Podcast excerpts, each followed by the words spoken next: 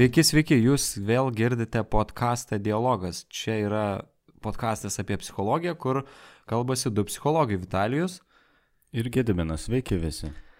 Tai šiandien mes turime 26 mūsų epizodą, kuriame kalbėsime, labai galvom, kaip čia pavadinti tą mūsų temą ir pavadinom, ką atsinešam iš vaikystės. Tai iš esmės kalbėsim apie, apie santykius su tėvais daug ir ne tik. O prieš pradedant kalbėti, tai pareklamuosim, kad turim Patreon platformą, kur mus galite paremti ir gauti papildomą turinio, dalyvauti diskusijose, gauti vairių nuorodų ir panašiai. Tai tokia trumpa žinia. Tai ką, galim tada keliauti prie, prie pagrindinės mūsų temos. Kaip tu galvoji, gedai, nuo ko čia galim pradėti mes? Įtariu nuo vaikystės. Bet... Jo, ar... Aha. Susiekė gedas, kad mes vėl, vėl pradėjom vienas kitam leisti kalbėti. Tai gerai, tęsiu aš kalbėti ir uh, vėl šitą temą, žinok, labai populiari atrodo mm, pagal tai, kaip reaguoja Patreon bendruomenė.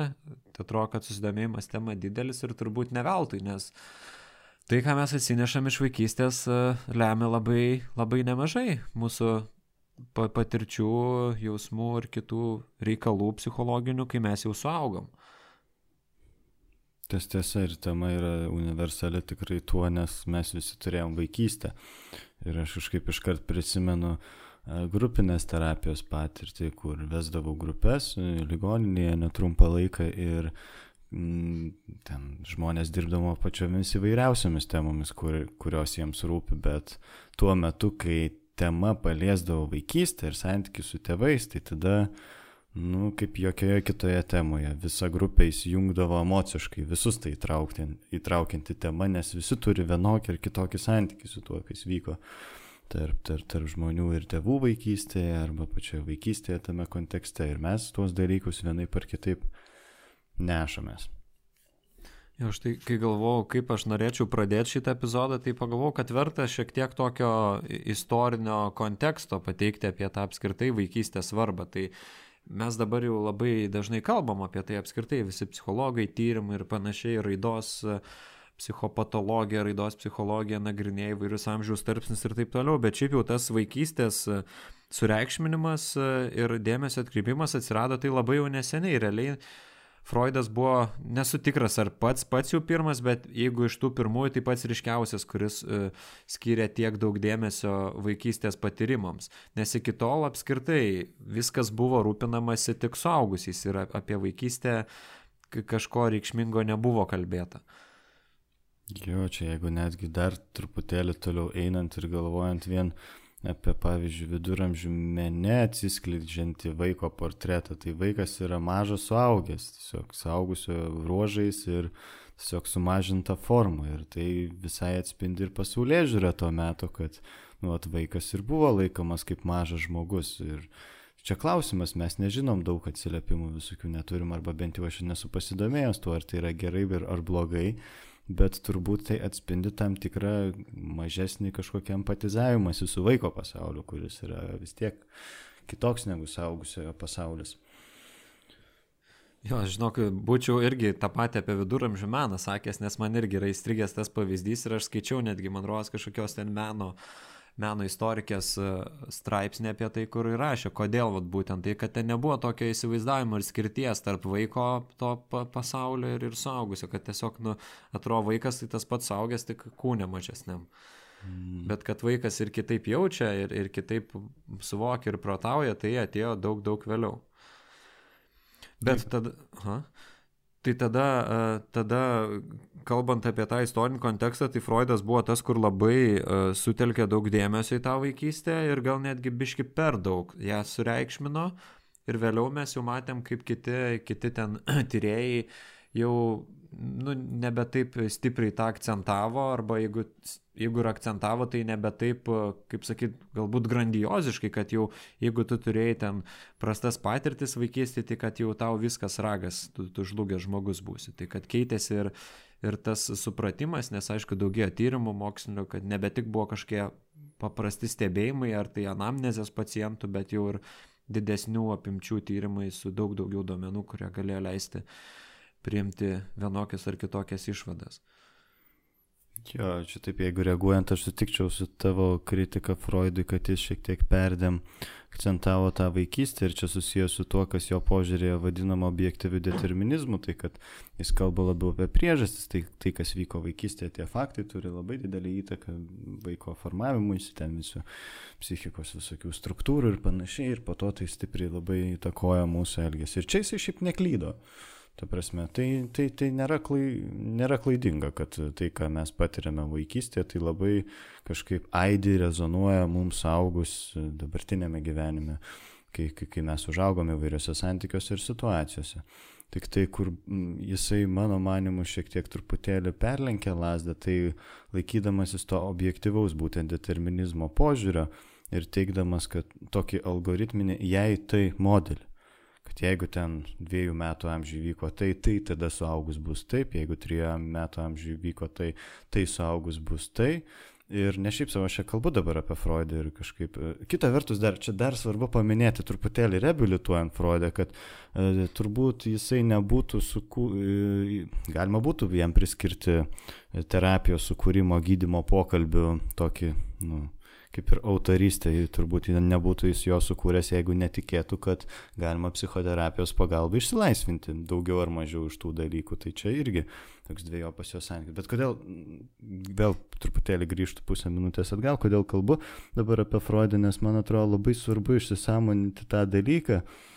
E, kai aš galvoju apie šitą temą, vaikystės įtaką saugusiam gyvenimui, tai atrodo, kad labai labai labai labai daug kur visur, medijai, žurnaluose, internete, socialiniuose tinkluose, podcastuose mes labai daug kur visur, kur galim išgirsti apie tai, nu, mat, vaikystės kažkokią vienokią ir kitokią įtaką saugusią amžiumi. Ir labai dažnai atsikartoja tas paprastas principas, jeigu tai.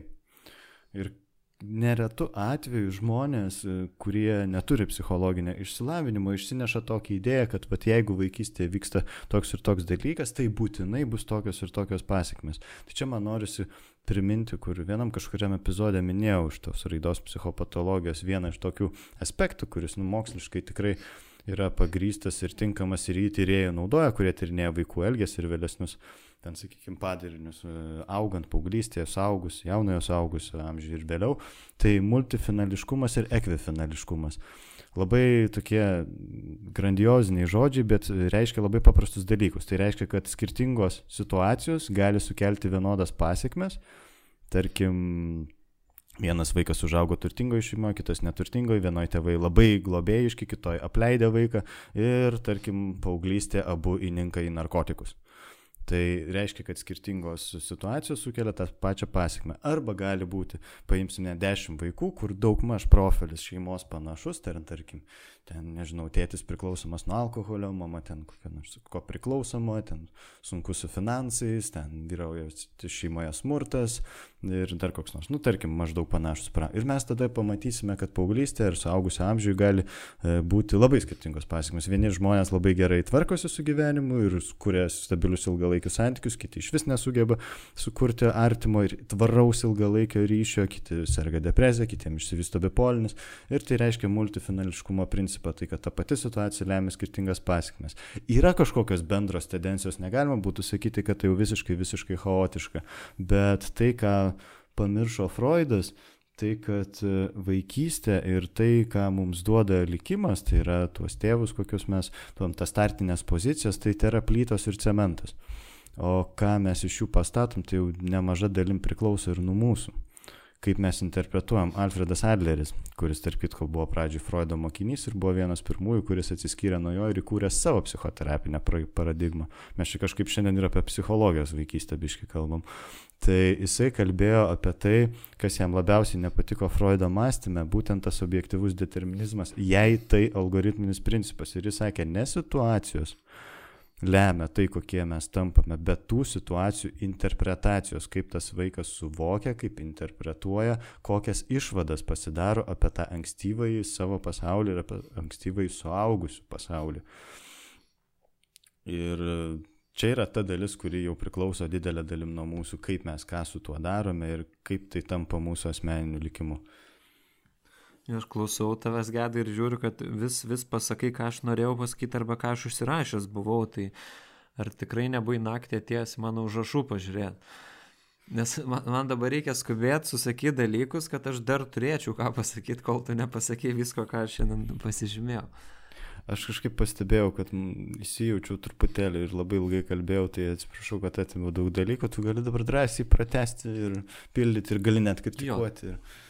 Tai aš ne, aš kritikuoti nesiraš, nes kol kas aš e, sutinku su to, ką tu sakai, bet aš tiesiog tą karkasą, apie kurį tu kalbėjai, aš dar biškiai aplipdysiu kitais vaizdiniais, tai kad nešakinėtume žiauriai chronologiškai, aš dar biškelį prie Freudo grįšiu, e, kodėl jo toksai labai vienpusiškas galbūt e, požiūris buvo, tai pirmiausia, jisai neturėjo tiek daug duomenų, kita vertus, kad ta vis, visuomenės socialinė kultūrinė ekonominė sankloda buvo tokia, kad pas jį, pažiūrėjau, daug klientų buvo moteris aukštesnės vidurinės klasės, kurių dažnai iš tikrųjų net ne tėvai augino, pažiūrėjau, guvernantės. Tai yra e, tėvai realiai buvo tiesiog tie, kurie davė gyvybę, bet jie kažkaip emociškai labai nebuvo įsitraukę.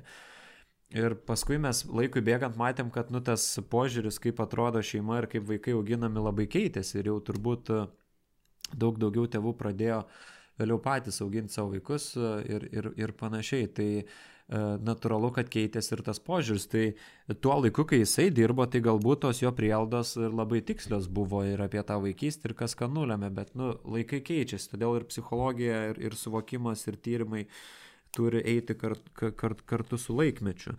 Uh, Ir jo, man patiko tas tavo pasakymas, kad kaip Adleris pasakė, kad taip kaip mes e, tą situaciją suvokiam nulėmė, ne pati situacija ir tas multifinališkumas ir, ir koks tas kitas žodis, aš žinau, ką jis reiškia, bet aš vis pamirštu jo pavadinimą. Ekvifinališkumas. jo. Nu tai žodžiu, kad vienodas pasiekmes, nu, vienodi įvykiai į skirtingas pasiekmes arba skirtingi įvykiai į vienodą pasiekmę. Jo. Tai vad, ir e, man tai dar patiko Jungo, berot čia Jungo idėja, e, kad e, ne tik tėvai labai svarbus tampa vaikystėje ir kai mes augam, bet apskritai bet kokios reikšmingos figūros. Tai gali būti seneliai, tai gali būti dėdės, tetos, tai gali būti apskritai knygų herojai kažkokie, kur, kurie suteikia mums augant tam tikrą tapatumą ir, su, ir kuriuose mes galim rasti, na tai, ko mums trūksta šeimoje galbūt. Draugai vėliau, vėliau galiausiai tampa uh, tampa labai reikšmingi ir uh, aš vis prisimenu apie tą vaikystę kalbant tokį Haris Taksalivaną, jisai buvo vienas iš neofreudininkų, tai yra jau po Freudo, kuris biškelį papildė tą teoriją ir jis irgi, jo papildymas susijęs su tuo, kad jisai ne visai sutiko su tuo Freudo modeliu, kad jei tai ir jisai kaip tik išskyrė tas skirtingas raidos fazes pagal metus, aš dabar visų neišvardinsiu tų fazių, bet e, jisai sakė, kad jeigu kažkokie poreikiai buvo labai stipriai nepatenkinami ar kažkokios traumos ar panašiai būdavo vienoj e, raidos stadijai, tai jeigu kitoj stadijai atsiranda sėkmių ir gerų patyrimų ir kompensacijos, tai vaikas gali, na, sėkmingai praeiti tuos sunkumus ir nebūtinai jisai suaugęs turės tų problemų, kurios įprastai būtų sakoma, kad turėtų vaikas, jeigu jisai susidūrė su tais sunkumais. Šiaip ta teorija yra pakankamai užmiršta, nes aš ją atsimenu iš studijų metų, bet aš kaip bandžiau pasigūglinti prieš mūsų epizodą, tai aš nu, labai nedaug radau tokios aiškios informacijos. Tai teorija, man atrodo, visai vertinga, bet, bet kažkaip pamiršta. Ir labai pozityvinai. Ir man tas tas patinka pozityvumas, nes Freudo teorijai labiau buvo tokio negativumo, kad, nu, tu biški pasmerktas esi, jeigu tau pasitaikė tie nepalankus įvykiai.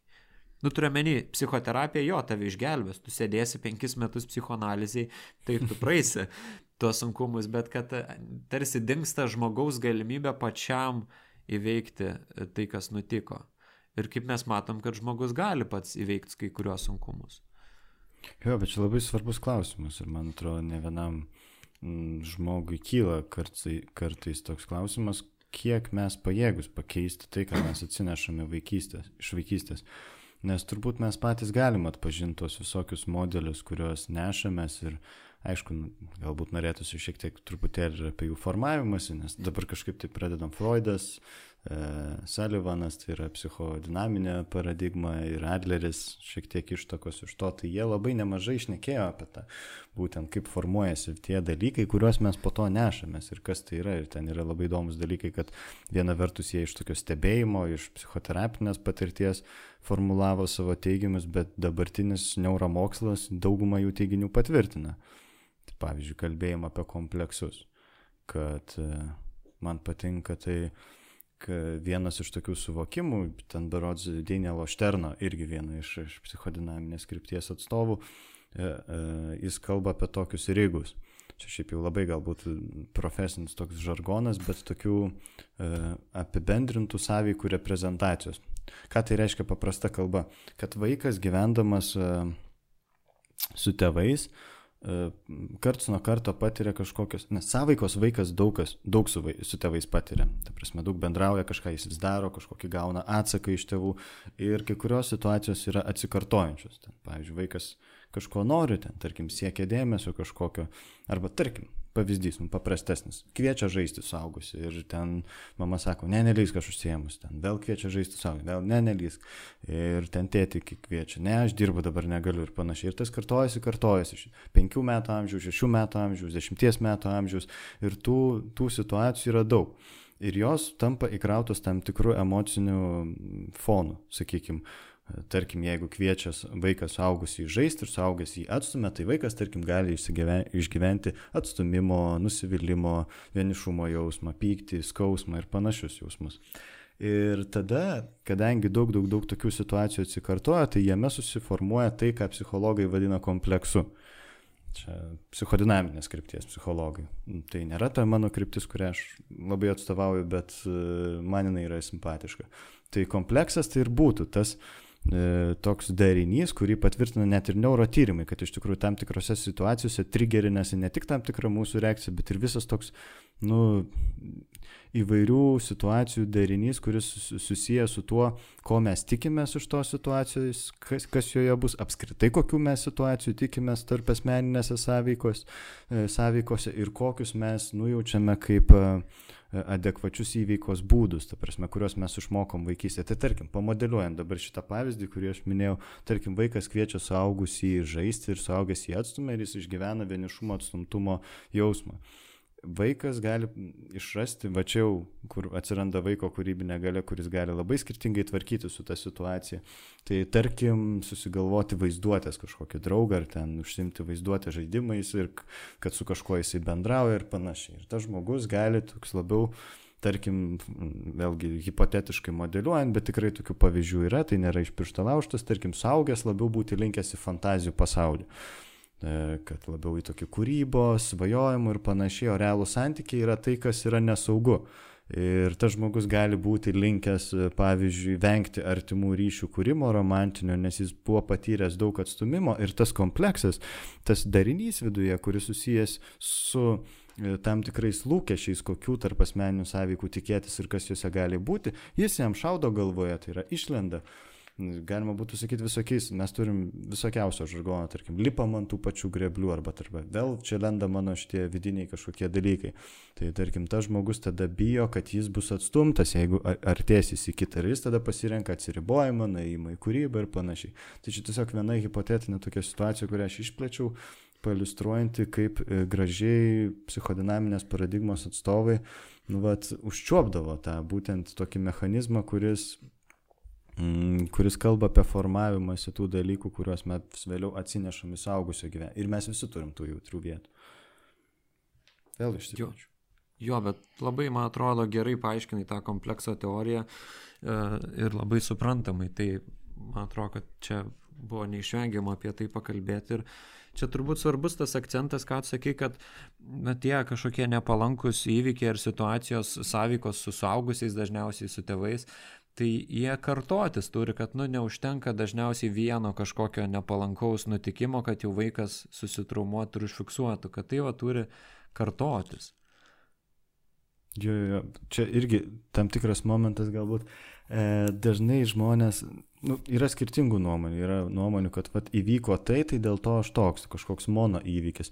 Ir tai iš tikrųjų yra. Ta prasme, yra tai, ką mes vadinam trauminiais patyrimais, kas vaiko psichikai yra nepriepiama, tai daugiau eitų kalba apie, pavyzdžiui, fizinį, psichologinį arba seksualinį net smurtą. Tai kartais vieno tokio įvykio užtenka, kad jau stipriai pakeistum. Bet šiaip tai dažniausiai tai, kaip formuojasi kompleksas, tai labai gerai pastebėjai, kad tai nuolat įsikartojančios situacijos, kurios aplimpa emocinių kažkokiu turiniu, kuris aktyvuojasi, kai mes patenkame kažkokią panašią situaciją suaugus. Tarkim, vėlgi iš to pavyzdžio, kviečiu, būdamas vaikas tėvų žaisti, bet mane atstumia, tai suaugęs būdamas 25 metų, tarkime, rašau savo draugui ten ar kursiokui išeiti susitikti ir kažkodėl mane apima nerimas. Ir tada ateina visokios durnos mintis į galvą, gal jis, gal jis nenori, gal iš viso, gal jis nenori su manim bendrauti, apskritai, gal, gal kažkas su manim negerai ir mes nesuprantam, dėl ko tai vyksta. Nors ta situacija iššaukia mumise, užtrigerino tą mygtuką paspaudę, kuris yra susijęs su to kompleksu.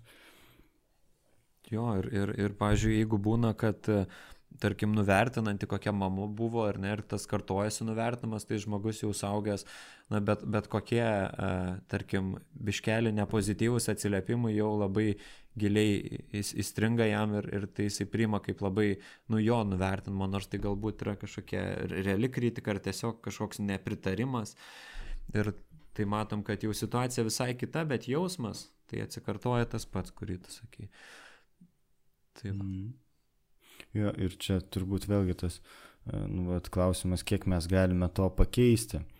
Tai kai mums iššaukia, iššaukiamas tas pats jausmas, kuris atsikartoja. Ir va čia šitoj vietoje, aišku, turbūt nemažai ir žmogus gali padaryti, bet nu, čia praktiškai vienas iš pagrindinių dalykų, kuris vienai par kitaip iškyla psichoterapijoje santykių klausimai yra tokie, kurie vieni pagrindinių ir dažniausiai iškyla, iškylančių psichologo kabinete ir jie labai dažnai siejasi su tokiamis patirtimis, tai yra vaikystės patirtimis ir mūsų jautriamis vietomis, kurios iššaukiamos. Ir tada visą laiką būna klausimas, kiek pajėgu pamatyti kažkaip save iš šalies, kiek pajėgų kitaip pasielgti. Lipant ant to paties grėblio, kiek įmanoma jam bekylant ir prieš trenkianti veidą kažkur sureaguoti ir staptelti ar išsisukti ar patraukti galvą, gal kitą kartą pamatyti prieš lipant, kad o, greblys priešai stojo, čia aš jau vėl beveik įkritau į savo šitą reakciją. Tai tas yra praktiškai, nu, neretai psichologai sako, pavyzdžiui, psichoanalitikai tiki, bet kaip tu ir pats paminėjai, Freudas, penki metai analizės, kad tai yra ilga kelionė, nelengva kelionė ir tai užtrunka, kol mes įgyjam laisvę nuo tų automatinių tokių reakcijų mumis esančių. Jo, ar, ar tik ne Jungas sakė, kad e, ne mes kompleksus turim, bet kompleksai turi mus? Jo. Tai čia tas, tas parodimas, kad nu, tas kompleksas jis yra kažkoks nu, ne visai pavaldus mums kad tai yra vat, kažkas, ką jau šiaip daugelis žmonių labai gali sąmoningai savo kompleksus įvardinti, kurios jiems situacijos vat, iššaukia nemalonius pojūčius, tam tikrą jautrumą, bet e, kas iš to, jie, jie vis tiek taip toliau jaučiasi ir nežino, ką pakeisti. Tai parodo, kad tas sąmoningumas tam yra, bet to neužtenka kad reikia kažko kito, tas kažkas kitas, tai dažniausiai būna ir psichoterapijos metu ta pasikartojanti kitokia emocinė patirtis, kurią, kurią žmogus gauna būdamas e, terapijoje. Mhm. Ir ja, turbūt, aš dar trumpai pabaigsiu vieną mintį ir, ir e, turbūt nereiktų tikėtis, kad kompleksas visiškai dings, nes bent jau kaip, kaip jungistai sako, tai kad e, nu, jis visada liks kažkokia jautri vieta, tik tais klausimas, kiek tave tai išmuš iš vėžių ir kaip, kiek tave paveiks, ar savaitį, mėnesį, ar tu krisi depresiją, ar galbūt susidūręs su tą situaciją, tu pusvalandą ar valandą būsi tik tais paveiktas. Tai tačiau yra labai kardinalų skirtumai, bet ko gero vis tiek, jeigu yra labai daug patirta kažkokių nemalonių patyrimų, tai vis tiek ta, ta, ta vieta, nu, jinai bus kažkiek jautresnė negu, negu įprastai. Nu, aš gal nesutikčiau su tokiu drastišku teiginiu, čia matyti ir priklauso nuo to kompleksas kompleksui nelygų, žinai, iš terapinės patirties. Yra vieni klausimai, kur yra žiauriai jautrus, labai jautrios tygos, kurios žmogų nustipriai išmuša ir būna labai jautrios reakcijos ir yra mažiau jautrios. Nu, tarkim, vėl hipotetinį kokį nors pavyzdį, to paties modeliuojant, to paties vaiko, kuris kviečia tėvus žaisti. Tarkim, jisai gyvena dar ir nepritekliuje, ta prasme, šeima yra labai skurdi ir jisai eina į mokyklą, tėvai jį atsuminėja, jisai negali pažaisti su jais ir maža to, dar kiti klasiokai iš jo juokiasi, kad jis neturi ten kažkokio ten telefono ar dar kažko, jis su prastesniais rūbais ir jis užaugo su jausmu, kad jam tarsi ant kaktos parašyta, kad aš nepakankamas kitoks ir mane žmonės atstumia ir manęs niekas nemyli. Ir čia gali būti, pavyzdžiui, tai persiduoti, nu, tas kompleksas ir santykė nu, su, su, su tuo turtu, santykė su tuo vaizdu į save, kad aš kitoks, aš per prastas ir panašiai, bet tas žmogus gali pajėgti sukurti artimus ryšius, tarkim, gyvenimui bėgant, ar ten terapijos, ar be terapijos, terapijos pagalba, arba be jos, tarkim, jis sukuria stabilius ryšius, bet jam nedingsta jausmas kitų akivaizdoje, kad jis yra kitoks, kažkoks prastesnis, tarsi ant kaktos jam parašyti. Tai vienas dalis mes kaip ir galim įveikti, kad jos mums netgi nu, nebebūtų tokios emociškai aitrios ir gal net nujautrinti, užauginti tą savo vidinę vietą, vidinę teritoriją visiškai kitokiamis patirtimis, kurios būtų pozityvios. Vėlgi galvojant apie tas, tarkim, e, situacijos, tarkim, vaikui augant nuo, tarkim, 2 iki 12 metų atsikartojo, tarkim, 10 tūkstančių kartų ta situacija, kuris kvietė vieną iš savo tėvų žaisti ir buvo atstumtas. Tai galima pagalvoti apie tai suaugus, kiek reikėtų panašių situacijų, kur tas žmogus kviečia ką nors į santykį arba kažkur atsiveria, parodo kažkokį savo susidomėjimą ir sulaukia pozityvaus grįžtamą ryšio, kad ta pozityvi patirtis emociškai atsvertų tai, kas buvo įkrauta neigiamai emociškai. Nežinau, ar kiek nors suprantamai, nes tai visai abstrakčiai kalbu, bet aš visai laikausi to požiūrio, kad gali ir visai nusijautrinti, kad nėra toks visiškas determinizmas, bet kai kurios itin jautrios vietos jos išlieka jautrios. Man tai suprantamai, vat, klausimas kaip, kaip klausytojams, tai sužinosim turbūt. Parašykit komentare. Jo. Tai jo, daug, daug kalbam iš tikrųjų, kol kas dar abstrakčiai, šiek tiek iš tų tokių teorinių rėmų, gal kažkaip galim bandyti prie kažko konkretaus keliauti arba prie tam tikrų klausimų patronų ir jau kalbėsim apie kon konkrečius dalykus. Ką tu galvoji? Kodėlgi ne? Tai gerai, e, klausytojas mūsų Virgilijus klausė, daug kas daliesi vaikystės prisiminimais, tačiau pats dažnai jų nepamenu, nevadinčiau savo vaikystės trauminę, kad nuo jos užsiskleščiau, nepaisant to šį laikotarpį dengia tarsi savočią amneziją. Kaip matote, kiek svarbu prisiminti savo vaikystę, o kiek šis knaisiomasis papraeitį atitolina mus nuo dabarties svarbos? Mm. Yra net psichologijoje toks terminas, bet mokslininkai labai ginčiasi dėl jo ir nesutarė kaip vaikystės amnezija.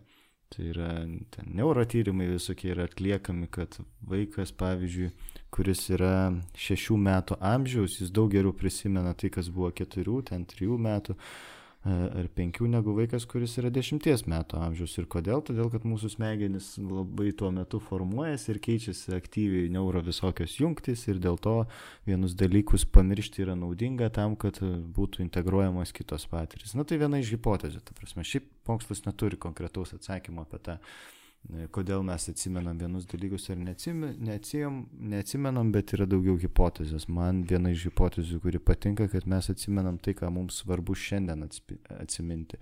Tai yra, kad tie prisiminimai, kuriuos mes turime, atspindi tokius mus, kokie mes esame šiandien ir kokiems mums visai saugu ir pajėgu būti kuo grįsta šita hipotezė, tai netgi, pavyzdžiui, Adlerio to paties kryptyje viena iš terapijos tokių efektyvumo kriterijų, nu, gal nebūt neefektyvumo kriterijų, bet tokių diagnostinių kriterijų pokyčiams, kuris yra, tai yra ankstyvieji vaikystės prisiminimai. Tai kad terapijos eigoje žmogus pradžioj gali patį emoci...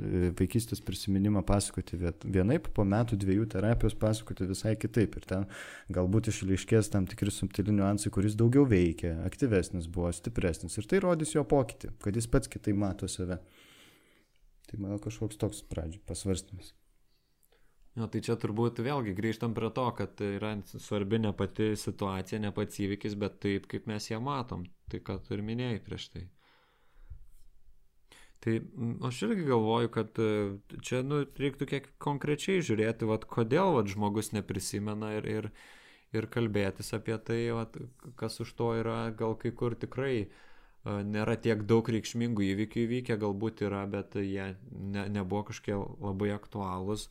Ir tas man, man uh, patiko tas momentas, kiek tai, kiek tas knaisiojimasis po vaikystį, jeigu labai knaisiojomės, atitolina mus nuo, nuo dabarties. Tai Aš turiu tokį įsivaizdavimą, kad e, jeigu visą laiką sustosim tik apie tos praeities įvykius ir vaikystę, tai mes kažkaip e, na, labai pabėgsim nuo to, kas vyksta dabar arba apie nebekalbėsim apie tam tikrus ateities planus, nes man atrodo, kad labai didelis susitelkimas į vaikystę vis tiek rodo kažkiek, kad kažkas dabar vyksta.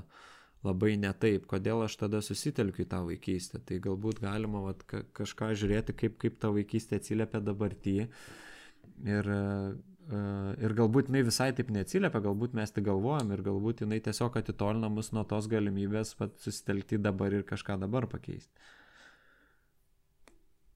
Ja, man tai kažkaip atrodo, kad Čia aš iš tokios visiškai savo patirties profesinės, kai, kai kokius žmonės sutinku, tai galima būtų kalbėti apie tokius du kraštutinumus, nebūtinai absoliučiai egzistuojančius, bet kažkurio laipsnio egzistuojančius vienose ar kitose žmonėse. Tai vienas kraštutinumas yra, kad m, mm, toks labai didelis svarbos teikimas vaikystėje ir akcentas toks, ir tai gali būti įvairių, įvairių kampų, tarkim, pavyzdžiui, vienas vaikystėje mane sužalojo, buvo blogi tėvai, dėl to aš nieko nedarysiu, kodėl aš turėčiau stengtis dėl kažko ar pasaulio, nes pasaulis mane nuskriaudė ir jis yra blogas ir aš prisimenu ir tą, ir tą, ir tą, ir tą, ir čia mama tai padarė, ir, ir ten tėtis tai padarė, arba to nedavė ir panašiai. Ir kiekvieną kartą vis kiekvienoje situacijoje prisimenu ir ne, nesiryštų ką nors daryti. Tai tai kalba labai apie nudrasintą žmogų.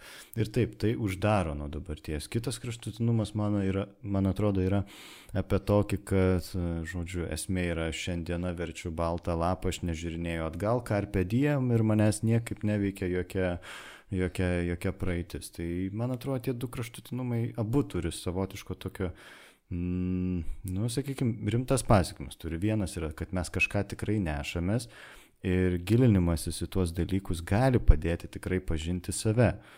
Ir dėl ko, bet būtent mes reaguojam kažkaip emociškai jau, jau jautriai tam tikras situacijas ir tam tikrų modelių.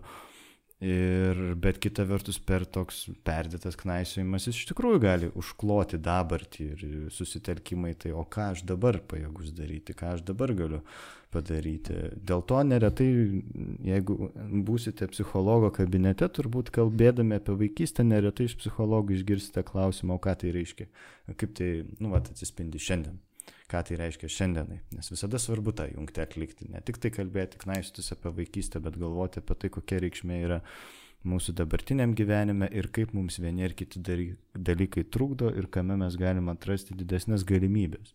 Tarkim, jeigu mes iš vaikystės nešamės vėl to pavyzdžiui paėmus baimę sukurti artimą ryšį su kitu, nes jaučiuosi kitoks, prastesnis ir mane tikrai atstums, tai tuo metu Klausimas būtų apie tai galimybės, kiek man pajėgų šiandien būtų, kiek pajėgus aš esu priimti save ir pamatyti savo kitoniškumą kaip priimtiną arba save ne kaip kitokią, kaip bendražmogišką, kiek aš pajėgus priartėti prie kito žmogaus ir panašiai. Tai man atrodo labai svarbu kažkokia dermė tarp vieno ir kito dalyko.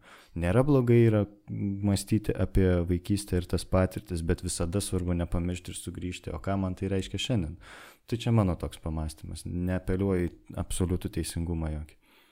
Jo, jo, tai, tai turbūt ir nereiktų į absoliutų, bet man, man tai jisai labai, labai patraukliai skamba, nes tai vėl tas klasikinis modelis psichologijai kontinumas, matom kraštutinumus ir vis tas bandymas kažkaip į tą vidurį atsidurti, jing-jang principas, kaip sakyt, kad reikia eiti tuo viduriniu keliu, kaip, kaip Petersonas sakė. Tai Buckle Squad. Buckle Squad, jo. Uh, Plemba, pamečiau dabar mintį, ką norėjau pasakyti. Ai, tai jo, vat apie tą, tas labai geras tavo klausimas, ką tai reiškia šiandien, nes tikrai kartai žmonės linkia kalbėti apie tuos vaikystės prisiminimus, ir vat, bet jie yra tiesiog patys savaime, nu, vat kažkokie nemalonus. Nu, vat įvyko nemalonus įvykis, uh, bet jis tikrai nebūtinai vat, neša kažkokią žinią apie tai, kas įvyko dabar. Ir tai, vat, tai dažnai ir būna su tam tikrais trauminiais įvykiais, kur vat, ar tai kažkokia nelaimė, ar tai avarija, ar, ar susižydimas, ar lyga, ar dar kažkas.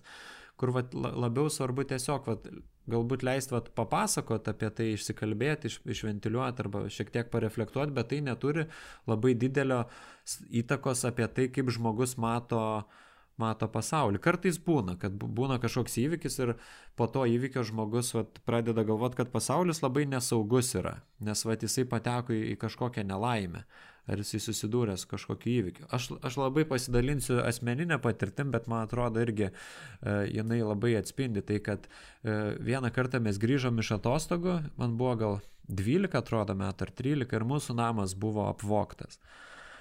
Ir, ir jo, man po to laiko man tikrai susidarė toksai, bet aš jau, jau saugęs tą labiau supratau, kad aš tikrai labai nesaugiai pasijutau ir kurį laiką tada toks labai nesaugus buvau, nes man atrodė, kad nu, pasaulis pasidaręs tai gal labai pavojingas. Nes mes grįžom į namus, kurie buvo visiškai apversti, viskas ten išjaukta, kai kur net išlaužyta ir, ir panašiai. Tai, tai vat, toks vat, įvykis nulėmė, kad vat, aš jaučiausi, kad pasaulis pasidarė nebesaugus kažkoks. Tai vad, gali va tai vad būti, bet, bet gali ir nebūti. Gali būti, kad tiesiog at, įvyko kažkoks įvykis, nu ir žmogus turi nemalonų pojūtį apie tai, bet tai nenulėmė kažkokio didelio įsivaizdavimo apie pasaulyje žiūrą, apie tai, koks yra pasaulis. Čia daug sviesto svestuoto prisakiau, bet gal, gal, gal pointas aiškus yra. Fainai, tu dalinies ir man atrodo, kad čia svarbu dar gal paakcentuoti tą dalyką, kad iš tiesų, nu, vat, kaip bebūtų, yra ta bjauri psichologijos tiesa, kad uh, vaikystės patirtys mums sukloja pamatus tame, kaip mes matome ir kokius turime įsitikinimus apie save, kitus ir pasaulį. Ir tie įsitikinimai, tam, kad juos gebėti koreguoti, svarbu įsisamoninti juos, suprasti, kaip aš mastau. O pačiam dažnai, nu, jie suteikia, tarkim, tie įsitikinimai, tarkim, kokį prasminį žemėlapį arba akinius, pro kuriuos mes žiūrim į pasaulį, interpretuojam ten interpretacinę schemą, pasaulyje vaizdį, vadinkim kaip norim, skirtingi psichologai ir paradigmos turi skirtingas definicijas tam apibūdinti, bet man atrodo, reiškinys yra daugiau ar mažiau tas pats. Tai čia yra kažkoks susikalbėjimo taškas tarp įvairių psichologinių paradigmų. Tai ir man atrodo, kad įvairios paradigmos sutiktų su tuo ir moksliniai tyrimai tą patvirtintų, kad pirmą tą rėmą yra labai sunku pamačiam pamatyti iš šalies, nes jeigu aš esu užsidėjęs akinius ir žiūriu į pasaulį ir aš net nejaučiu, kad esu užsidėjęs akinius ir net nežinau, tai kaip aš galiu pamatyti kitaip? Man tada nebent reikia susidurti su kitais žmonėm, kurie pasakytų, o aš čia kitaip matau. Ir kitą žmogų, kuris sakytų, o aš čia kitaip matau. Ir tada suabejoti ir turbūt kažkaip aptikti vieno ar kito ten lėšio ar, sakykime, akinių esančių ant veido egzistavimą. Tai aš per šitą metaforą noriu pasakyti vieno ar kito įsitikinimo, kurį mes nešamės iš vaikystės mm, egzistavimo aptikimą. Ir tada, kai mes įsisamonėm, tada mes galim pradėti kelionę link to įsitikinimo koregavimo ir ieškojimo alternatyvaus kažkokio požiūrio. Ir tas yra nu, tokia nelengva kelionė, nes tas apmatas pasaulio matymo, kurį mes išsinešam, jis daugiau mažiau turi tokį įsišaknyjimą ir stabilumą. Ir be abejo, ir tai su, suteikia dar papildomai ir ne tik tai apie kažkokius įsitikinimus, kaip mes suvokiam, bet tai turi ir emocinį turinį. Ar mes jaučiame saugiai pasaulį ar nesaugiai, vat, kaip tu minėjai tą pavyzdį, gali būti ta, tokia patirtis ne viena, pavyzdžiui, galėjo tavo vaikystėje būti 20 panašių patirčių ir galbūt neštumės iki šiol jausmą vidinį, kuris iškiltų įvairiose situacijose, tarkime, ten, bet susipažįstant su nauju žmogumi, patyrimas kito žmogaus gali būti kaip grėsmės automatu, o ne, o ne kaip saugaus. Nu, čia pavyzdžiui yra vienas iš aspektų, tai viena iš krypčių tai prieraišumo tyrimai, kurie kalba apie vaikų saugų, nesaugų prieraišumą. Jeigu daug buvo tokių trūko saugios augusio figūros, jeigu daug buvo visokių trauminių patirčių ir įvairiausių kiti niuansai, bet žodžiu vienai per kitaip rezultatas yra toks, kad suaugus išsivysto uh, arba bazinis pasitikėjimas žmonėmis, tai kad mes, kai ateinam į neapibrieštą situaciją, mes tą matom labiau kaip kūrybos erdvę ir žaidimo erdvę ir pasitikim kitais žmonėmis, arba mes labiau juos patiriame kitus žmonės kaip grėsmę ir tai mums yra išgyvenimo erdvė ir socialiniai santykiai ir įvairius kitas pasaulis. Tai tai mes nešamės iš vaikystės. Jau ir kai tu pasakė apie tai, kad vat, pamatom žmonės, kurie gal kitaip mato tas situacijas, uh, ir gali keistis tas požiūris, bet va čia ir yra tas paradoksas, kad kartais, kol žmogus neatsiduria terapijoje, tai, kad jis pamato kitus ma matančių situaciją kitaip vis tiek nieko nepakeičia. Kad yra taip, taip kažkaip įsišaknyje, kad jo pasaulio matymas vis tiek e, yra tvirtesnis, nepaisant to, kad aplinkui daugiau žmonių sako, kad yra kitaip.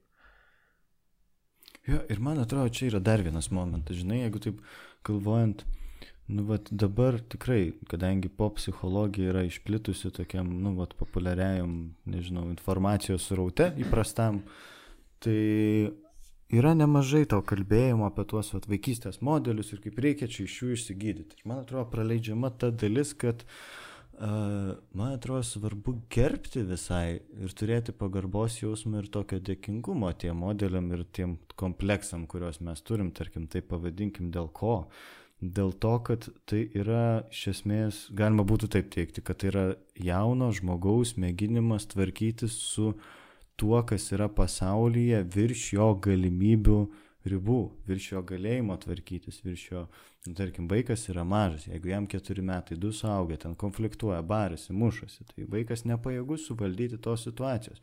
Tai jis tuo metu atranda būdą ir jo psichika atranda čia įvairiai galima sakyti, kaip būdą, kaip išgyventi toje situacijoje. Ir jis veikia, jis jam padeda pereiti vaikystę ir visiškai ne, nepražūti tame emociškai ar net fiziškai. Tai bet koks, bet koks tas mūsų kompleksas, kurį mes nešamės, jis tarnavo kažkurio metu funkciją labai svarbią, kuri padėjo mums išlikti. Bet vėliau, kodėl mes tada kalbam apie tą neigiamąją pusę, nes kai mes augam, dažnai labai socialinės situacijos jau tampa visai kitokios, netokios kaip vaikystėje. O mes inertiškai automatu reaguojame tais pačiais būdais - reagavimo, apsisaugojimo ir panašiai. Bet klausimas, ar bėra nuo ko saugotis. Ar tikrai čia dabar yra tas pats žmogus, kuris gali manęs, vėl prie hipotetinio to pavyzdžio grįžtant, ar tikrai dabar visi žmonės aplink mane ten ir kursiokai, ir draugai, ar kas tik nori bendradarbiai, mane atstums, kai aš juos tik vos tik pakviesiu, nežinau, pokalbiui, išeiti kavos išgerti, ar ten, nežinau, išeiti šiaip susitikti, ar ką nors kartu nuveikti, ar jie lygiai taip pat mane atstums, kaip tie užsijėmė tėvai ar aš vis tik gyvensiu su tuo jausmu, kad visi vat, turi savo reikalus ir aš tiesiog esu kaip našta ir, ir, ir, ir nežinau, jeigu kažkaip ten kitus bandu iš, iš kitų kažko norėti, tai tarsi jau tai yra kitų apkrovimas. Ar aš sugebėsiu pamatyti, kad palauk, palauk, tai dabar kažkaip ir žmonėm įdomu gali būti su manimi ir jie patys gali mane kviesti. Tai čia, man atrodo, yra visai tas irgi lankstumo, nelankstumo klausimas. Mhm. Jo, ir ta psichoterapija ir yra apie tas galimybės, nu, praplėsti tą horizontą, savo matymą, kaip aš matau, kad, kad nebūtų to siauro lešio, bet pamatyti, kad, kad yra ir, ir, ir daugiau. Tai e, Virgiliaus, nuo Virgiliaus klausimo nutolom diskutuodami, bet dar Marija po, po tuo klausimu papildinį parašė ir sako, kad labai įdomi mintis, turbūt mano pagalvojimas prisideda prie Virgilijos pastebėjimo, žinant tai, kad mūsų atmintis mus dažnai apgauna. Kaip suprasti ir suvokti tai esant terapinėme procese? Mm. Ką tu mėgintum atsakyti, Vitaliau? Aš labai daug šneku šiandien, tu pakalbėk. Aš nežinau, aš turbūt iki galo ir, ir to klausimo gal nesupratau, bet uh, kaip suprasti ir, tai, tai, ir suvokti esant terapinėme procese. Bet apie tą uh, mūsų atminties apgavimą, nu, tai čia yra faktas, kad yra, yra net mokslininkai tyrinėję tokius dalykus kaip false memories. Tai yra netikrai dėkti prisiminimai ir, e, ir turbūt svarbiausia gal ne kiek tas prisiminimas tikras ar netikras, bet kiek tai, ką aš apie jį galvoju ir kokios mintis apie jį sukas. Aišku, yra tokių atvejų, kai labai svarbu sužinoti, ar iš tikrųjų tai įvyko ar neįvyko. Uh, bet yra tikrai tokių prisiminimų, kur daug svarbiau ne pats faktas jis buvo ar nebuvo tai, ką aš galvoju apie jį. Ir su tais false memories tai yra toks įdomus dalykas, kad tu atgali tėvai parodyti kokią nors nuotrauką sumontuotą arba nebūtinai ir pasakyti, žiūrėk, čia tu toj nuotraukai esi po tokio tokio įvykio ir čia vad buvo labai įdomi kažkokia istorija. Ir tu viskas, tu gali tikėsi, kad taip ir buvo, nesvarbu, kad tai nebuvo, bet tai gali lemti vat, nu, kaip tu galvosi apie tą vat etapą. Tai aišku, tikėtina, kad tėvai taip nedaro, bet čia tiesiog tai pavyzdys, kaip tos netik, tie netikri prisiminimai atsiranda ir, ir kaip jie gali, gali mus įtakoti. Netgi tas pats įvykis papasakotas tėčio, mamos, močiutės, senelio, jisai gali turėti labai skirtingus kampus ir galbūt vienas kampas labiau patiks kokio senelio, kaip jisai matė tą, tą įvykį, o negu, pavyzdžiui, kaip mama matė. Tai, tai čia irgi blevizgoju, bet, bet taip kaip aš galvoju. Jo, bet man atrodo gera takeaway message yra iš to, ką tu kalbė apie tai, kad mes negalime nematyti pasaulio selektyviai. Ir čia yra truputėlį toks mitas ir turbūt šio laikinės nu, vat, modernaus žmogaus gyvenančio mokslinėje ir technologinėje epochoje, klaidingas įsivaizdavimas apie tai, kad jis gali pasaulį matyti objektyviai, skaidriai, grinąją tikrovę, grinuosius daiktus ir panašiai. Tai yra neįmanoma. Vienaip ar kitaip mes matome selektyviai pasaulį, daugiau ar mažiau, vienokio ir kitokio laipsnio, bet selektyvumas yra neišvengiamas ir vėlgi čia labai tinka ir šitą vaikystės temą, kadangi iš vaikystės mes nešamės tuos sakinius, pro kuriuos selektyviau žiūrime į pasaulį.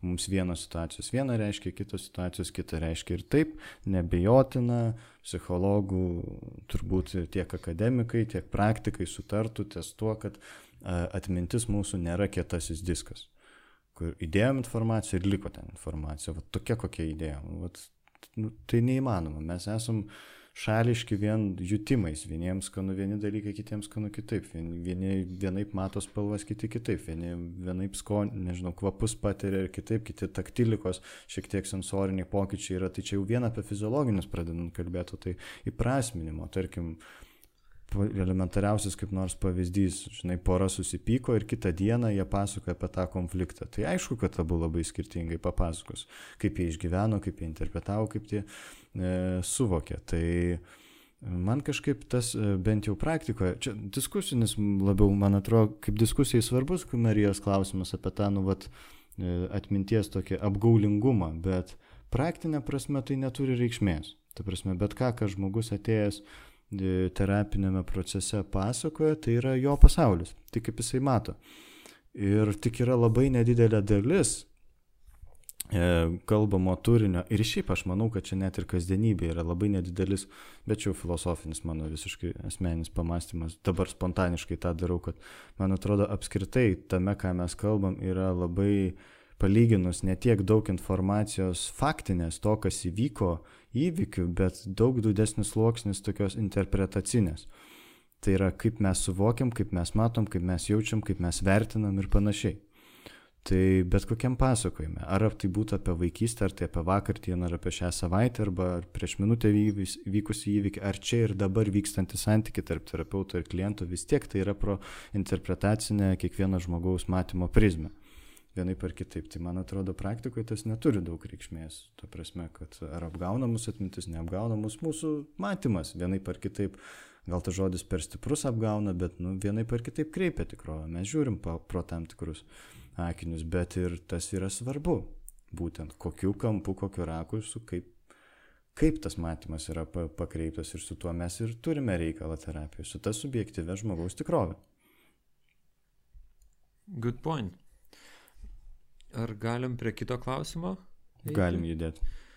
Tai aš šiandien jau toks skaitytojas patapau, tai skaitau Gerai. toliau. Justina rašo, kažkada girdėjau, kad žmonės, kurie renkasi vyresnius partnerius, nesvarbu ar moteris, ar vyrai, turi trauminių probleminių patirčių su mama arba tėvu. Pavyzdžiui, jeigu vyras draugauja su penkių dešimties, o gal ir daugiau metų vyresnė moteris vaikystėje turėjo kažkokių problemų su mama, ar tai tiesa ar mitas?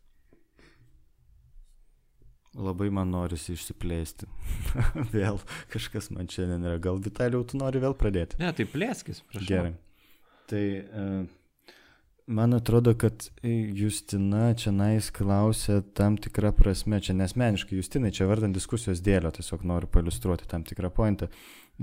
Jau iš tų pozicijų, jei tai, apie kurias mes kalbėjom, algoritminės, kad uh, mes bet kokiam dalykui iš esmės galime paimti su didesniu ar mažesniu tikslumu, paimti šiandienos žmogaus gyvenimo kažkokią situaciją ir vaikystės gyvenimo situaciją ir nutiesti tam liniją. Ir pamatyti kažkokį paterną tame modelyje.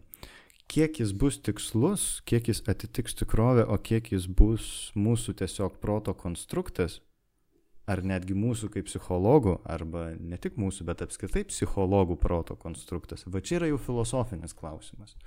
Ar čia tiesa ar mitas, jeigu jau taip jau kategoriškai tai formuluojant šitą klausimą.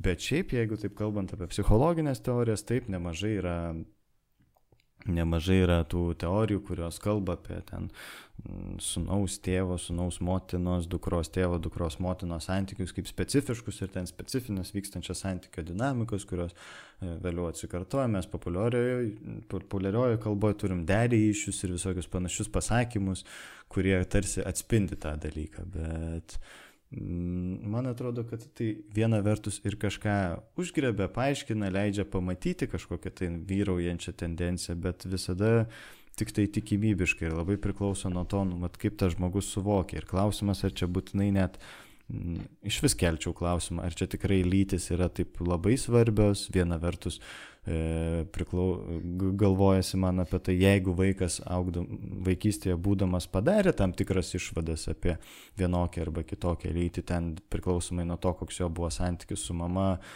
ar su tėvu, tai tada tas gali veikti jo vėlesnius santykius, bet jeigu jisai tai labiau tą pasaulį interpretavo per tą prizmę, kad suaugusiai ir apskritai kiti kaip tokie, tai gali neturėti tada jau jokio ryšio. Tai aš taip irgi nuo kažkokių konkrečių atsakymų tokius filosofinius pasvarstymus, bet jie man atrodo svarbus, galvojant apie tokius e, apskritai mėginimus e, su, vat, kitus paaiškinti, kad vat, čia jeigu jisai taip užsirauna ant to, tai čia dėl to, kad jam buvo taip ir taip. Jo, čia toks man irgi peršas klausimas, tai ar gali egzistuoti meilė tarp e, didesnį amžiaus skirtumą turinčių žmonių ne dėl to, kad ne dėl to, kad kažkuris iš jų turėjo kažkokių tai trauminių patirčių ar problemų. Tai man atrodo, kad, kad gali ir, ir kiekvieną tą porą reiktų žiūrėti atskirai ir kodėl ir kaip jie čia atsirado toj poroje. Ir, pažiūrėjau, tas penkių metų skirtumas, tai man atrodo, tai čia visai yra nereikšmingas. Nereikšmingas skaičius. Jau ten jau tie gal didesni skaičiai gali kelt kažkokių prielaidų ar klausimų apie dedį iššius ir panašiai, bet aš tai nesu ekspertas tų dedį iššius ir, ir, ir aš nu, ne, nelinkęs taip pat iš karto nuvertinti to, to santykio tarp dviejų amžiaus skirtumą turinčių žmonių, vat, būtent tai problemai. Bet aš kaip tik pasiskaičiau tokį, būtent apie tą amžiaus skirtumą tarp partnerių iš tokios evoliucinės psichologijos pusės, tai man, man visai įdomus buvo tas, tas kampas, kad kad vyrai renkasi gerokai jaunesnės moteris, tai nu, labai yra kaip reasonable dalykas, nes didėja tikimybė pratesti giminę, nes e, yra jaunesnė partnerė, o savo ruoštų jauna moteris, kuri žiūri daug vyresnį vyrą, tai galvoja apie, ta, apie tam tikrą pasiektą galbūt statusą, kuris yra tvirtesnis, stabilesnis, bet čia toks gana seksistiškas iš tikrųjų požiūris, bet jau ta evoliucinė psichologija to, tokia yra, kad jinai taip mato, nes daug, daug daugiau metų uh, tas seksizmas lėmė, kaip mes e, formuojam tos santykius, negu kaip yra dabar, kai mes nu, kiekvieną dalyką permastom per įvairias uh, ideologinės perspektyvas, kad pažiūrėt, ar čia yra seksizmo ar nėra to seksizmo. Tuo tarpu, kai vyras renkasi vyre, vyresnė gerokai moterį, tai čia jau tada, nu, kitoks klausimas kyla, nes jau čia evoliucinė psichologija nebegali atsakyti, nes kaip ir logiškai nepagrysta, nes kaip tik tu mažini tikimybę pratesti sėkmingai giminę, nes gerokai vyresnė moteris už tave jau turi mažesnį šansą susilaukti sveikų palikonių ir apskritai susilaukti jų. Tai, o kitas dalykas, kad jeigu iš tokios sociologinės, demografinės perspektyvos žiūrint, tai tarsi netgi vyrai turėtų rinktis uh, vyresnės šiek tiek moteris bent keletą metų vien tam, kad uh, senatviai nebebūtų tokios disproporcijos tarp uh, seniorų vyrų ir moterų, nes moteris gyvena daug ilgiau negu vyrai. Ir jeigu paimsim 70 plus amžiaus žmonės, tai ten jau daug daugiau yra gyvų likusių moterų negu vyrų. Tai, uh, Čia vėl iš, iš, iš tokios perspektyvos. Bet man atrodo, kad svarbiausia yra ne tie visi evoliucinės psichologijos, demografiniai dalykai, bet tiesiog nu, tas jausmas su žmogum ir ta, ta meilė, ar jinai yra ir ar jos nėra. Ir jeigu jin yra, nu, tai valio, tegul būna. Jo, tai man atrodo, kad tuo, kad tu daliniesi, tai parodo, kad galima nu, vat, partnerio pasirinkimo klausimą labai iš įvairių kampų žiūrėti ir atrasti tam, ten tie požiūriai ir būtų patrauklesni ar nepatrauklesni. Man nėra labai simpatiškas tas požiūris į žmogų kaip į primatą, bet dėja dėja tyrimai labai nemažai tų atradimų patvirtina. Tai reiškia, tenka pripažinti, kad žmogus yra ir gyvūnas, kita vertus ne tik gyvūnas. Bet čia taip nukleistant šiek tiek. Bet viena iš galimybių vertinti tokį fenomeną irgi yra apie tą, nu, vat, vaikystės įtaką tam tikrą. Ir čia nais, nu, tie dalykai gali ir, ir suveikti žmogui, gali ir nesuveikti. Vėlgi tą tokį pasirinkimą, fenomeną kažkaip apčiuopti ir pasakyti, kad būtent tai ir dėl to yra labai sudėtinga. Bet be abejo, kad turi kažkokios reikšmės, kad tarkim, jeigu uh, nu čia taip fantazuojant tos įvairiausius įvairiausius jei tai, kurie gali būti ir kurie šiaip būna, bet niekada mes negalim absoliučiai pasakyti kažkokio tvirto teikinio, jeigu matom vaikystį va tokį va vaiko pasaulį, tai tada būtinai saugus bus taip. Bet tarkim, ten žmogus, nežinau, gyveno su labai kontroliuojančia ten, tarkim, mm, tarkim, vaikas, sunus, tarkim, sunus gyvena su labai kontroliuojančia ir valdinga mama, tai jisai gali, tarkim, saugęs tada pamatyti, kad tai galios pozicija ir pats tapti kontroliuojantis ir valdingas ir taip savo pranašumą atrasti, arba jisai gali priešingai matyti, kad kontrolė yra labai blogai, tai nueiti visišką laisvę, tokia, nežinau, ten into the wild, jokių, jokios kontrolės, nu, vat pavyzdys tame filme labai geras apie tai, kaip žmogus pasirinko priešingą, kaip tik nuo bet kokios visuomenės ten ir normų atsitraukti nuo kultūros ir panašiai. Ir žmogus rengdamasis partnerį gali išsirinkti irgi kontroliuojantį partnerį, nors vaikystėje kentėjo dėka, tarkim, kontroliuojančios motinos, nes, nu, kai kurie psichologai turi tokią nuomonę, Mm, čia galima būtų diskutuoti ar teisinga ar ne, kad mes dažnai išsirenkam partnerius savo panašius į tuo, tokius, kokie buvo mūsų tėvai, nes mes nesąmoningai mėginame sugrįžti tą pačią vaikystės situaciją, kurios mes negalėjom sukontroliuoti, bet ji mums buvo labai sudėtinga emociškai ir tarsi bandom ištaisyti, išspręsti. Jau dabartyje, bet iš esmės klimstam į tą patį ir tą patį. Ir tikrai ne vienas žmogus gali turbūt e, atrasti savyje, savęs gerai paklausęs, kad pavyzdžiui, jeigu turėjo ne, vienerių, ne vienus romantinius partnerius, e, tai kad jie yra, turi kažkokį panašumą, bendrą tendenciją ir santykiuose kažkas yra, kas atsikartoja. Nors žmonės skirtingi, santykiai skirtingi, kontekstai skirtingi, bet yra kažkos, kažkas bendro atsikartojančio. Tai tų, tų pavyzdžių tokių tikrai gali būti begalį, čia galima būtų jų daug prigalvoti ir tas gali skirtingai. Arba, pavyzdžiui, vat, priešingai dar vienas iš hipotetinių, mat, mama kontroliuojantis, sunus užaugęs kaip tik renkasi tą partnerę, kuri būtų irgi tokia vat, visiškai laisva ir panašiai, ir e, ne, ne, nededanti jokių ribų ir sakanti, kad mes šios santykiuose mūsų ribos labai atviros ir panašiai. Tai čia vėlgi tie pavyzdžiai kyla ir paliustruojant tą mintį, kad labai priklauso nuo vaiko interpretacijos, kaip jis interpretuoja tą esamą situaciją vaikystėje ir kokias jis pasidaro apie išvadas apie tai, kas jam suaugus veiks ir kas padės um, nepatekti į tas pačias kančias, kurias žmogus patyrė vaikystėje. Jo, tai kad čia turbūt svarbiausias ne pats tas skaičius amžiaus, ar ne, kur, kuris taip bandytas akcentuoti, bet tam tikros na, psichologinės ar asmeninės e, partnerio savybės, ir, kurios mums sukuria ta, tam tikrą jausmą būnant su juo, ar kartais. Bet yra ir, ir ta, tas kitas kampas, kad yra tikrai žmonių, kurie atėję į psichologo ar terapeuto kabinetą, sako, kad vis atsiduriu vat, tokiuose ir tokiuose santykiuose arba destruktyviuose santykiuose, ar ne? Tai aš kaip ir nenoriu juose būti, bet va, man taip kažkaip gaunasi, kad aš vat, pakliūnu į tokius santykius. Mm. Jo, ir turbūt nereikia neigti tos realybės, kur aš bent jau esu susidūręs, kurie žmonės uh, tarkim, vėl kokį nors pavyzdį, ten, nu, vyresnis partneris dažniausiai būna vyras ir rečiau turbūt vyrai renkasi vyresnės moteris, dažniau, nu, bet čia nežinau, čia iš piršto laužta statistika, tiesiog mano praktika, su kuo aš daugiau susiduriu. Ir ne vieną kartą esu susidūręs, kur žmogus tiesiogiai sako, aš ieškau tėvo savo partneryje. Nes aš neturėjau tėvo, man trūko jo meilės, dėl to aš vis renkuosi, va jau antras ir trečias partneris ir minimum 10 metų skirtumas tarp to, nes man trūko tėviškos meilės. Aš jaučiu, kad aš nieko negaliu su tuo padaryti ir man norėtųsi kažką padaryti su tuo, bet taip yra. Tai kai kurie žmonės net patys savo taip yra įsivardinę, kad iš tikrųjų taip veikia. Ir tai yra tas vaikystės modelis kažkoks išsineštas arba, nu, vat ta jautri vieta, tas kompleksas, tas tokojanti vieta ir jie taip kompensuoja netgi sąmoningai įsivardinant įsivardindami tai. Ar tai blogai, ar gerai, ar čia nesveika, ar sveika, čia tikrai labai labai diskusinis platus klausimai, bet žmonėms taip veikia. Vieni nori tai pakeisti, kiti tame netgi būdami sąmoningi gerai jaučiasi, palyginus. Tai aš tada jau judėsiu prie kito klausimo, ar dar norėjęs kažką pridėti? Važiuojam. Važiuojam. Tai Jolanta klausė, kad e, labai aktuali tema, sako, ir netaip seniai tarp geresnių, garsesnių, atsiprašau, žmonių tapo savotiškų trendų savo kom, visus savo kompleksus, traumas, stereotipus nurašyti tėvų auklėjimui.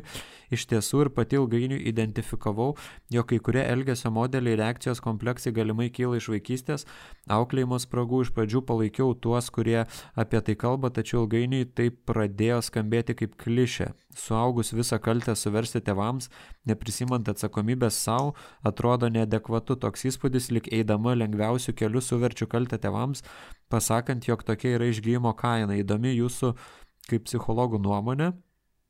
Dabar pati esu mama, šiuo metu daug kalbama apie tai, kaip užauginti visapusiškai laimingą žmogų, visgi žvelgiant iš visuomenės pozicijų, tai beveik nerealu gyvename ne utopijos visuomenėje, kaip rašė Tomas Moras.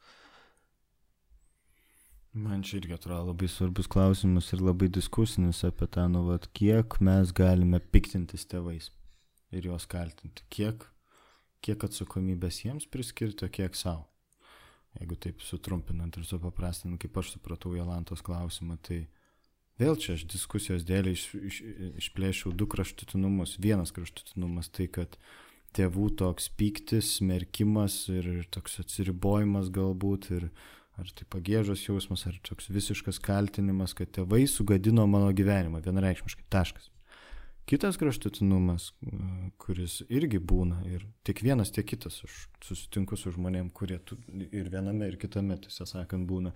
Kitas kraštutinumas yra uh, kad aš labai gerai suprantu savo tėvus, kodėl jie darė tai, ką darė, ir aš suprantu juos ir galiu jiems atleisti, galiu suprasti, nes jie ir patys ten turėjo sunkia vaikystė, jie neturėjo galimybių, nežinau, psichologinės informacijos, kurią mes dabar turime, emocinio raštingumo ir panašiai, ten gyveno sovietmečių, jie patys sunkiai vargo ir panašiai, kol ten, sakykime, kol susirado darbą ten ir augino vaikus ir dėl to tarsi aš turiu viską pateisinti, ką jie padarė. Ir nieko nejausti tiesiog priimti, va, už grinapį. Tai man atrodo, šitie du kraštutinumai yra tokie, ir vienas, ir kitas yra realus ir realybėje, bet tarpe dar yra visokių tar tarpinių variantų, bet nei vienas, nei kitas man atrodo toks labai, kokį čia žodį pavartojus, adekvatus galbūt. Jo, toks jausmas, kad tokiais būdais labai nuo, nuo realybės nutolstama, tas kaip žiūrima pro, pro lešį, bet tas lešis iškreipia vaizdą. Jo, bet tai yra tokia žmogaus e, realybė subjektyvi. Ir aš, žinai, nuo realybės nutolstama, kai mes sakom tokį teiginį, čia aš apeliuoju ne tiek į tave, bet tu pacitavai tai, ką, nu, tu pasakai tokią frazę, kurią nemaža dalis psichologų sako. Ir neretai klientam. Ir man tas nepatinka, čia aš galbūt šiek tiek išalinu einu, bet kas ta realybė, kas ta tikrovė. Iš kur žinai, kas ta tikrovė. Ta prasme, nu toks yra to žmogaus pasaulis, taip jisai mato tik tiek, kad jis yra labai užintensyvintas, jis yra labai e, šališkas, jis yra galbūt kažkoks, nu, vat, tam tikrame emocinėme kampe labai umus ir labai stiprus. Ir tai turi jam vienokį, kažkuriuo laipsniu labai stipres pasiekmes jo gyvenime. Tarkime, jeigu mes labai labai tame kraštutiname, kad pateisiname tėvus, tai mes galime būti labai neįsisamoninę savo emocinių poreikių. Ir daryti viską, kad patiktumėm tėvam, ten diplomus nešti, visokius bakalauro, magistro, disertacijas. Ir pagaliau mylės mus tėvai ar nemylės. Nes jiegi faini, bet kodėl aš jaučiuosi nemylimas, nežinau, kažkas negerai, bet ir dėti milžiniškas pastangas ir nesu, nesuvokiant, neįsisamonint, kas yra mano poreikiai, kas yra, ten, nežinau, mano svarbus jaut, jautrus kampai ir panašiai. O piktis gali irgi tokį nuvesti visišką kraštutinumą, kur žmogus tarsi atsiriboja nuo tėvų, bet iš tikrųjų labai didelę rolę vaidina. Tarkim, aš nebūsiu toks kaip tėvas, arba aš nebūsiu tokia kokia mama. Ir žmogus visą gyvenimą dar darydamas pasirinkimus galvoja, tai kokia ta mama ten mano, ar koks ten mano tėvas buvo, ir kaip čia man dabar pasielgti atvirkščiai. Aš supaprastinu realybę, bet nu, tai tada priboja žmogų. Jo, tarsi toks vyksta e, mintise karas prieš tėtę ar mamą ir, ir, ir jau tada vis tiek bandai atsiribot nuo tėčio ar mamos savo pasirinkimų, bet iš tikrųjų tu viską darai apie, apie juos. Būtum priešingas ir save tada pameti kažkaip.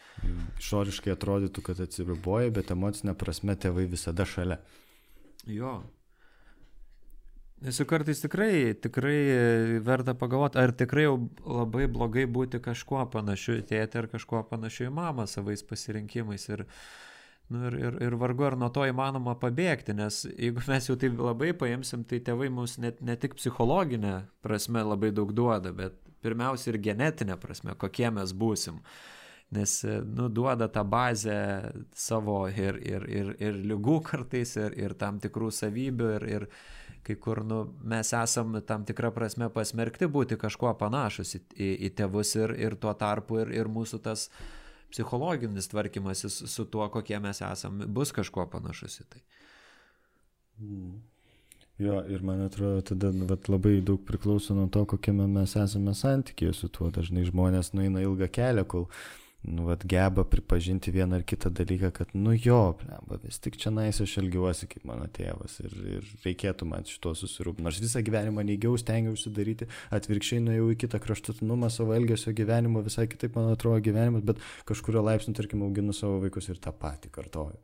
Kažkokią tą pačią klaidą ir tiesiog sunku labai tą pamatyti, nes labai ilgą laiką neigiam. Tai man atrodo, kad čia bent jau taip savo patirtim iš, iš, iš e, psichoterapijos proceso darbę su žmonėmis, aš sakyčiau, kad visai svarbus toks yra sveikas balansas, vat, santykio su tuo, ką mes patyrėme augdami su tėvais ir įsisamoninant, e, kokie yra mūsų poreikiai, kokie yra mūsų, nu, vat, ko mes tokojam, kas mums skauda, kas mus pykdo, kas mus nuvilia Ir jeigu šitame procese, kad mes tą įsisavintumėm, reikės kažkuriuo metu papykti ant tėvų, ar tai būtų, nežinau, dienoraštyje, ar terapeuto kabinete, ar pokalbėje su ten bičiuliais, ar dar kur nors kitur, tai saubys, lai būna tas procesas. Nebūtina tiesiogiai ant tėvų pykti, galima kažkur į kitą vietą nukreipti, tą, nu, vat, kaip minėjau dabar, šitas erdves. Jeigu tai padeda įsisamonti ir mums tapti tuo, kuo, kuo mes esame labiau, suprantant savo jausmus ir poreikius, tai vadinasi, to reikia. Ir kita tada dalis yra priimti tėvus kaip atskirus suaugusius, tokius, kokie jie yra. Ir kažkokiu būdu vienaip ar kitaip suliūdusiu, ar grauduliu, ar netekties išgyvenimu, palaidoti tą vaizdinį apie tai, palaidoti vaizdinį apie tėvus tokius, kokius, kokių mes norėtume, kad būtų buvę, ar kokių mes norėtumėme, kad jie dabar būtų. Nes labai dažnai net suaugę mes nešamės tą vaizdą. Nu, vis, mama nesupranta. Nu, at, atvažiuoja ir vėl tas pats. Nu, galėtų būti kažkaip kitaip. Ir mes niekaip nepaleidžiam to vaizdinio, kad mama galėtų būti kitokia ir mes nesuprantame, kad jinai tiesiog nepaėgė. Kad ji yra tokia, kokia yra. Ir sunkiai įsisamoniname. Ir tas reikalauja nusivylimų ir tokio gedulo darbo ir liūdėsio, išgėdėjimo, kad, nu, vat, santykiai su tėvais buvo tokie ir juose buvo tai ir tai ir nebuvo to ir to, bet aš priemu tą realybę be to ir to ir su tuo ir tuo. Kas ten buvo, vyko, trūko, ar ten buvo gerai, ar buvo blogai ir panašiai. Bet labai dažnai mes esame tokiam nuolatinėme alkė, kad kažkaip būtų kitaip ir tada ten būna visokios ūmios reakcijos ir tada mums sunku pamatyti tėvus kaip atskirus, kaip kitus suaugusius žmonės, kur mes žiūrėtumėm vat, savo bičiulį kokį nors ir panašiai, kuris turi savo istoriją, savo požiūrį, savo pasaulyje žiūrą, bet labai dažnai mes žiūrim iš tos vaikiškos pozicijos, kad jie yra mums. Tarsi. Jo, ir kažkaip tada pradam norėti, kad kai jau mes suaugam, pasidarom protingi, reflektyvūs ir panašiai, kad, kad jau vyktų tas pasaulis pagal mano taisyklės, kad jau dabar aš čia vadovauju ir, ir, ir viskas pagal mane. Tai man atrodo labai, labai gražus pointas, kurį tu norėjai pateikti šitoj vietoj. Ir dar turbūt yra Jolantos ta, ta klausimo dalis uh, apie tai, kaip už, užauginti visapusiškai laimingą žmogų. Tai jinai pati sako, kad tai yra kaip ir utopija ir, ir aš su tuo turbūt sutinku, kad nu, mes negalim idealiai užauginti žmogaus, nes visada yra ir ne tik kaip mes jį auginam, bet nepamirškim, kad žmogus yra individas ir jis turi savo pasirinkimus. Ir jeigu žmogus uh, nenori kartais būti laimingas savo elgesiu, ar, ar jis elgesi kažkaip kitaip, negu mes atrodom, kad ką, tai, ką reiškia laimė, tai nu, nebūtinai reiškia, kad jam kažkaip yra blogiau.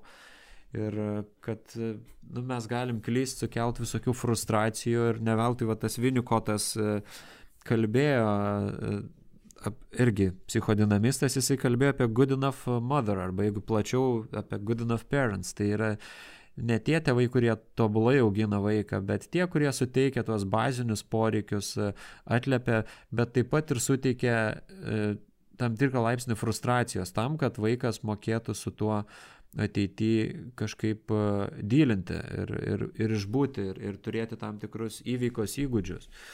Ir aš kažkaip prisiminiau apie tuos helicopter parents, tai nežinau, lietuviškai turbūt nėra vertimos tėvai sraigtasparniai, e, bet, bet nežinau, ar, ar, ar visiems yra pažįstama šita samprata, jeigu ne, tai žodžiu, tėvai sraigtasparniai arba helicopter parents yra, nu, tokie pernelyg įsitraukiantis į vaikų gyvenimą tėvai, kurie dažnai priminėja sprendimus už vaikus, asmeniškai labai investuoja į savo vaikus ir dažnai yra linkę pašalinti kliūtis jų gyvenimuose. Tai anksčiau psichologijai daug daugiau dėmesio buvo skiriama tam tikram trūkumui įvairių o, dalykų vaikystėje, ar tai dėmesio trūkumai, meilės trūkumai, turto, ir, ir panašiai, visokiausių tokių dalykų, ko trūksta. O dabar mes pastebim, kad tikrai verta kalbėti, kai vaikai gauna kažko per daug. Ir čia turbūt tas pavojus kyla kažko per daug sutikti būtent iš tų tėvų, kurie šiaip jau yra išsilavinę, turi geras pajamas, turi gerą socialinį statusą, gerus gebėjimus ir jie kartais galvoja, kad, aha, aš turiu dabar tiek žinių, kaip tą vaiką auginti ir kartais jie tiek tiek į tą vaiką investuoja, kad šiuo atveju tai pakenkia vaikui.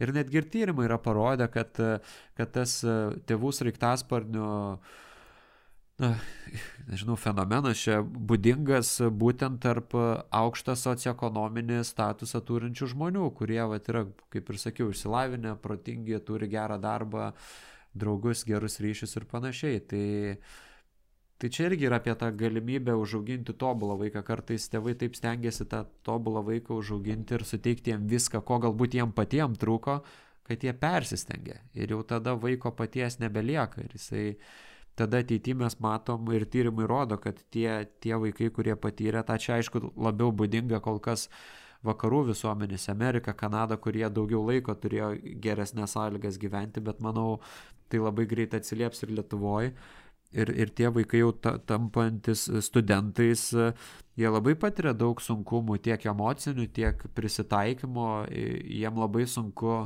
išbūti su, su įvairiais iššūkiais, jiems apskritai sunku įeiti tą suaugusio rolę, nes jie visą laiką viskuo buvo taip aprūpinti ir, ir visus uh, sunkumus padėdavo veikti tėvai, kad susidūrus patiems jam labai sunku pradeda darytis pabūti už save, pastovėti už save ir, ir, ir žodžiu, apskritai būti suaugusiu.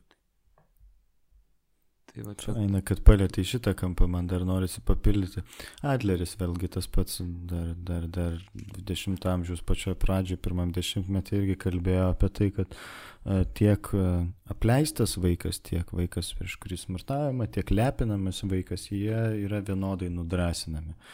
Nes kai mes apleidžiame vaiką, mes jam pasakome, tu nerūpi, tu nesvarbus ir panašiai, o kai mes lepinam vaiką, mes irgi taip pat pasakom, kad tu esi nesvarbus. E, per, per tą prizmę, kad tu pats ne, negebi kad aš nematau tų vietų, kur tu gebi, kur tu nori, kur tu pajėgus, kur tu moki, kur tu nori aukti, bet aš tau viską duosiu. Nes tu vargšelis mažas, tu tik tai būk mylimas ir kad tau viskas būtų gerai ir tada vaikas taip neišvysto to gebėjimo, kad aš pajėgus susitvarkyti su pasaulio problemomis čia tas liaudiškas pasakymas užaugimas šiltnami, taip jis neveikia, ta prasme, kad vien tik tai žmogus kleistųsi šiltnami, turi būti kažkokio šiek tiek kartais ir atšiauraus vėjo ir, ir nežinau, visokių kitokių, nu, vad kaip tu gražiai pasakytų, frustracijų, kurios turi būti. Ir tas hiperglobėjiškumas, jis yra nudrasinantis per tą prizmę, kad tada vaikas dažniausiai gauna žinutę, kad aš pats nepajėgus, arba priešingai, pasaulis man po kojomis, bet tada susiduriu su realybė ir pasirodo, kad iš tikrųjų nevelnio, taip nėra kad iš tikrųjų yra dalykai, kur aš klystu ir tada aš bijau klysti, nes tai man yra įrodymas, kad nesu aš toks ypatingas ir išskirtinis ir panašiai. Tai čia yra daug labai tokių irgi visokių į vieną ar kitą pusę mm, pasiekmių. Man tai e, šiaip aš turėčiau disclaimerį gal šitą padaryti epizodo pradžiui, bet nu, aš su vaikais ir paaugliais nedirbu. Aš dirbu tik tai su pasiekmėm, tai yra saugusiai žmonėm, kurie jau praėjo vaikystę ir panašiai ir kalba apie tai. Tai mm, ir dėl to šitoje vietoje, nu, šneku taip su atsargumu ir apie tėvų auklėjimą nesijaučiu autoritetingai kalbėti, bet jeigu taip iš bendro principo, tiesiog ką man norisi pasakyti apie, apie, apie šitą dalį, tai kad man atrodo, tai kokį tėvai sukuria ryšį su vaikais ir kiek rūpinasi jų emociniu pasauliu, jų poreikiais, nebūtinai patenkina viską, gali tiesiog atspindėti, aš matau, kad tu pyksti, Bet dabar prie stalo pas mus planšetės nebus, nes tiesiog mes turime bendrą laiką.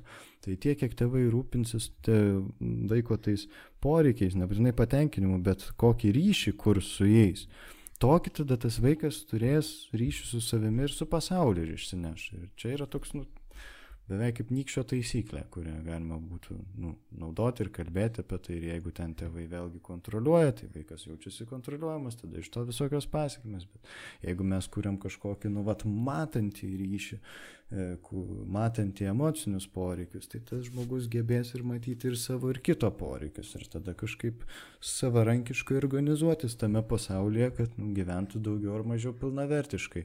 Laimingą žmogų užauginti, man atrodo, visiškai nerealu, nes tai ne nuo mūsų priklauso, bet kad žmogų užauginti, tai tikrai realu.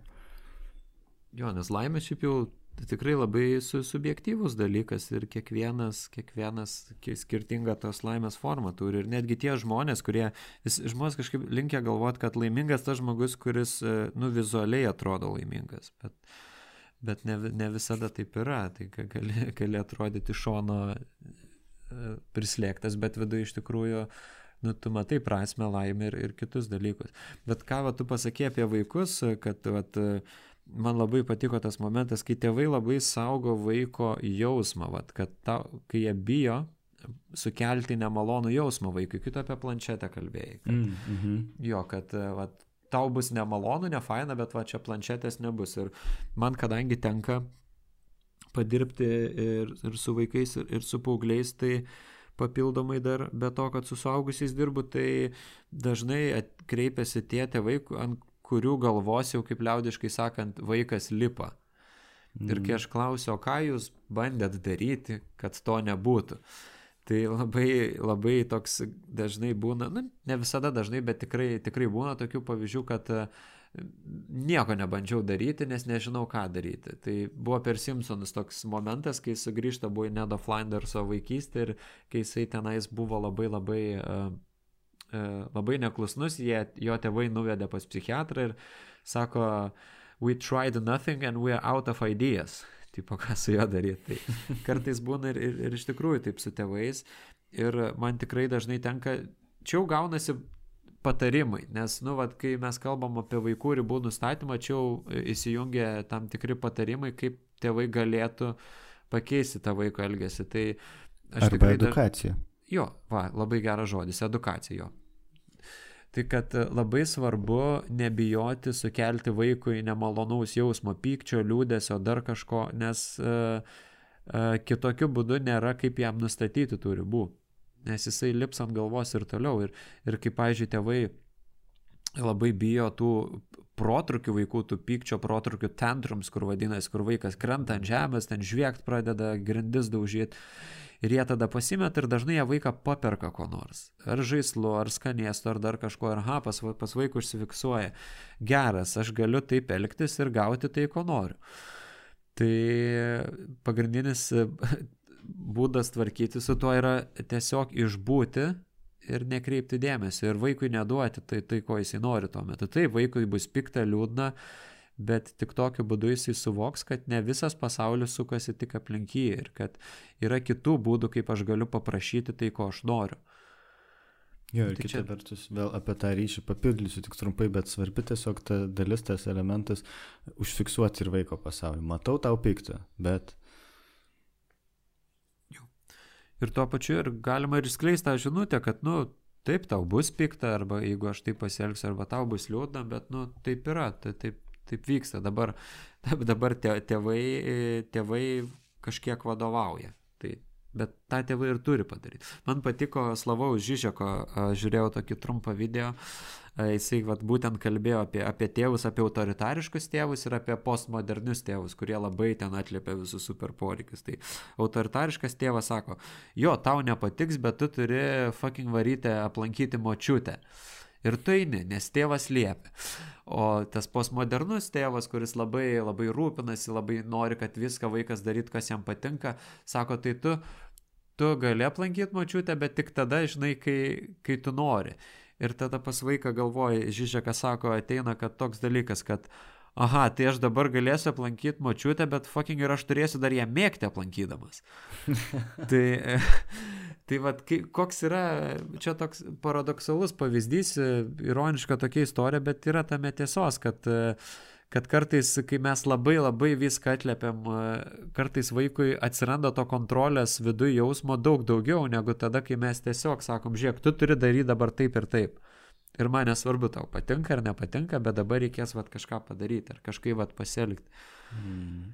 Ir mes dar turbūt iki galo nežinom, kokios to pasiekmes yra, nes vat, tas naujas būdas auginti vaikus, jisai dar tik tais, na, viso labo trumpą laiką yra pasaulyje. Ir, ir turbūt mes to pasiekmes matysim ateityje, bet jau dabar vat, tuos uh, millennials karto žmonės, kas iš esmės ir mes esame, esam pagal tą gimimo datą millennialsai, tai jau mes matom, kad psichinė sveikata iš esmės tų jaunų žmonių yra gerokai prastesnė negu būdavo anksčiau. Tai klausimas, kas čia vyksta ne taip, ar kažkas čia pasaulyje vyksta ne, tokio, netokio, dėl ko ta psichinė sveikata jaunų žmonių bloga, o galbūt kažkaip vyko auginimas vaikų kažkoks toks, kad mes nebegalim susitvarkyti su kylančiais iššūkiais, dėl ko prastėjo mūsų psichos Nu jo, tu čia labai į, į platų klausimą. Jo, jo, jo, bet, sunku bet būtų. Man labai norės kažkaip paliesti tuos aspektus. A. Jo, bet geras klausimas, šiaip labai geras ir tikrai apie jį galima būtų labai labai labai diskutuoti ir kaip tai paveiks ir, ir, ir ar tikrai būtinai teigiamai tas tėvų labai emocinis raštingumas, bet man atrodo, kad niekaip nu, negali pakengti tas tėvų kūrimas su vaikais ryšio, matant jų subjektivumą. Matant, nesakau atliepiant, nesakau dar kažkaip, bet netraumuojant ir matant. Nes čia vėlgi galvojant, nu, bet uh, galima būtų išskirti kai kurie, taip ir išskiria ir tuose psichologinėse paradigmose, uh, taip galima matyti jų raidoje, kad vieni sako ten, kad nu, at, labai vaikui svarbu jo raidoje ir kaip formuojasi suaugęs žmogus, tai ką tėvai ten pridirba. Kiti sako labai svarbu tai, ko tėvai nedavė, ko vaikui trūko, apie stoką kalba ir panašiai, bet atrodo, kad ir, ir, ir tas ir tas yra svarbu. Bet man čia norisi dar papildyti šitoje vietoje, man regis šitoj, šioje temoje apie vaikystės įtaką suaugusiam žmogui yra labai svarbus vienas aspektas, kur reacijokiais aš net ir klientams apie tai papasakoju, tokiu vėlgi edukacijos būdu. Nes tai, ką papasakosiu dabar, tai yra apie vaikystės tokias, nu, vat, trauminės patirtis. Yra vienas svarbus momentas, tai kad, mm, kurį mes neretai pamirštame galvodami apie savo vaikystę, kad e, jeigu taip iš šalies žiūrint, kiekvienas vaikas e, siekia išsaugoti emocinį ryšį su savo globėju suaugusiu, vienu ar kitu, ar kuris ten šeimoje yra, jeigu ten tėvai labai destruktyvus, bet yra ten senelis, tai su seneliu, tarkim, bet šiaip tai dažniausiai tai būna tėvai. Ir tai yra be galo svarbu vaiko psichologiniam išgyvenimui, tas turėjimas e, tokio saugaus, teigiamo emocinio ryšio su tėvais. Dabar kas nutinka, jeigu tėvai, tarkim, smurtauja, atstumia, kažkaip labai nusivilia ar žemina e, vaiką ir vienai per kitaip kažkaip, nu, vat, eina į neigiamą santykį su vaiku. Tai vaiko mažam pasauliu, ką jisai daro, tokį psichologinį manevrą tam, kad išsaugotų tą teigiamą ryšį su tėvais, kuris būtinas jo išgyvenimui, tai jis tą tokį žalojantį santykių priskiria nesaugusiam, bet savo. Kad, nu, mane, mama, jeigu čia pap, pap, paprastuoju primityviuoju būdu dabar pasakant, juk mane tėtis ir mama myli. Ir aš turiu išgyventi šitam pasauliu, nes jie myli, jie yra geri, bet jie su manim kažkaip blogai elgesi. Kodėl jie su manim blogai elgesi? Ai, tai turbūt aš esu blogas turbūt aš nusipelniau to. Ir čia aš ne iš piršto laužiu, tai nes tikrai tyrimai ir traumatologijos tyrimai patvirtina apie tai, kad vaikystės traumas labai stipriai viena iš pasiekmių, kuri yra apie tai, kad to, nu, vat, to destruktyvaus elgesio ir pas, pasiekmių priskirimas savo ir išsivysto giliai viduje esantis jausmas, kad aš esu kažkoks netoks arba kažkoks blogas, jeigu augau smurtiniuose santykiuose, tokia fundamentali bazinė bejonė savimi kad aš nesu geras toks, koks esu, arba nesu tiesiog vertas būti toks, koks esu, kad kažkas turbūt su manim net, ne, netvarkoja, turbūt aš esu nusipelnęs vienos ar kitos uh, nežinau, bausmės arba kažkokios neigiamos pasiekmės, kai suaugęs susiduriu su santykiais, mane palieka, aš galvoju, va taip ir turi būti, mane išmetė iš darbo, taip ir turi būti, nes čia aš suprimityvinu visiškai, bet e, takeaway message pagrindinė, kuri ilga, kuri, kuri, kuri yra iš šitos mano ilgos visos litanijos, kad man atrodo, kad suaugus gali labai ilgai trukti kelias iki supratimo, kad tos kriaudos, kurias mes patyrėme vaikystėje, nebuvo pelnytos. Ir tai nebūtinai reiškia tėvų smerkimą, bet tai reiškia įsisamoninimą, kad tai, ką aš patyriau, tai nepasako apie mane kaip būtybę, bet tai yra tiesiog mano vat, likimo duotos kortos man, kuriuose aš pradėjau aukti. Ir tai nereiškia, kad kad, kad aš esu blogas dėl to, kad tėvai prieš mane smurtavo, bet tai reiškia dėl to, kad man teko tai patirti, man teko gimti šeimoje, kur tėvai nesugebėjo emocijų valdyti konstruktyviais būdais ir gavau ir aš to smurto ir tai yra mano startinė pozicija šitam pasaulyje, ką aš dabar darau su tuo. Iki to įsisamoninimo, man atrodo, kartais, e, kad prieiti labai svarbu suvokti tą dalyką, kad yra tokia bazinė tendencija, kad tai, ką mes patiriam vaikystėje, kažkas, ką iš, iš neigiamos pusės, tai mes priskiriam savo kaip būtybė. Ir tai yra, tai, tai yra klaidinga suaugusio žvilgsnio atžvilgiu. Jo, čia man atrodo labai svarbia žinutė, sakai, ir e, aš man rosi kažkuriam epizode netgi tokią frazę panaudojau iš vieno savo rašytų straipsnių, kur viena autorė kaip tik va šitą situaciją nupasakojo tokiais žodžiais, kad geriau būti nuodėmingu Dievo valdomame pasaulyje, kad kad kai, nu, nes tėvų figūros jos tokios omnipotent būna, tokios dieviškos visagalės, kai mes augam, tai daug lengviau yra sakyti, ne kad Dievas yra kažkoks su trūkumais, bet kad aš esu vat, su trūkumais ir tada vaikas nu, ta frazė yra internalizuoja tiesiog į, į savo tas savybės. Nors trūkumas yra pas tėtę ar mamą, ar tai kaip jie elgėsi su manim, bet daug lengviau yra tuo metu pasakyti, kad aš esu blogas. Ir man atrodo, tas tavo pavyzdys labai labai gražus ir, ir gražią žinutę tu sinti su to su tom startiniam pozicijom, kad taip, aš turiu dabar tokias startinės pozicijas, o kaip keliausiu, tai nuo to priklauso. Ir nereiškia, kad turint blogas startinės pozicijas, viskas susiklosius blogai toks futbolininkas Pelė, tikrai visi žinot, tai jisai tikrai turėjo prastas startinės pozicijas, bet va tapo pasaulio legenda ir, ir, ir be batų žaidė kurį laiką, kai kiti žaidė jau, jau su bucais, tai, bet tai nesutrukdė jam tapti tuo, ko jis yra. Man dar fainas pavyzdys šiaip, bet norisi dar papildyti tą dalį, nu, vat, aš įsivaizduoju, gali kai kam kilti klausimus, vat, kodėl lengviau. Uh, kodėl lengviau gyventi, kaip ten tas frazė buvo ten Dievo kažkokiam. E, nu, Būti geriau būti nuodėmingam Dievo valdomame pasaulyje. Jo, žodžiu, kad pa pasaulis geras, bet aš, aš esu blogas ir tai paaiškinu dalykus, kurie vyksta su manimi blogi šiame pasaulyje.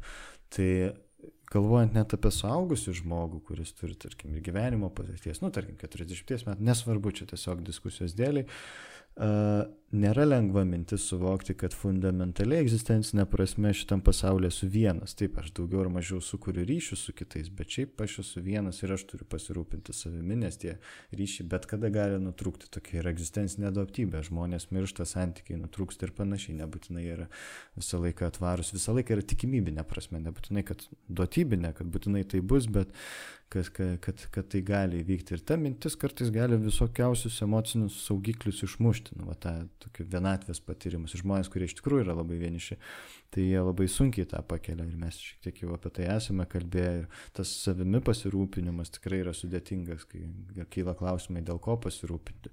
Tai dabar, jeigu galvojant apie vaiką, tarkim, septynių metų amžiaus vaiką įsisamoninti tokią mintį, kad aš esu vienas šitam pasaulyje ir manęs tėvai nemyli ir maža to aš dar pats savimi negaliu pasirūpinti.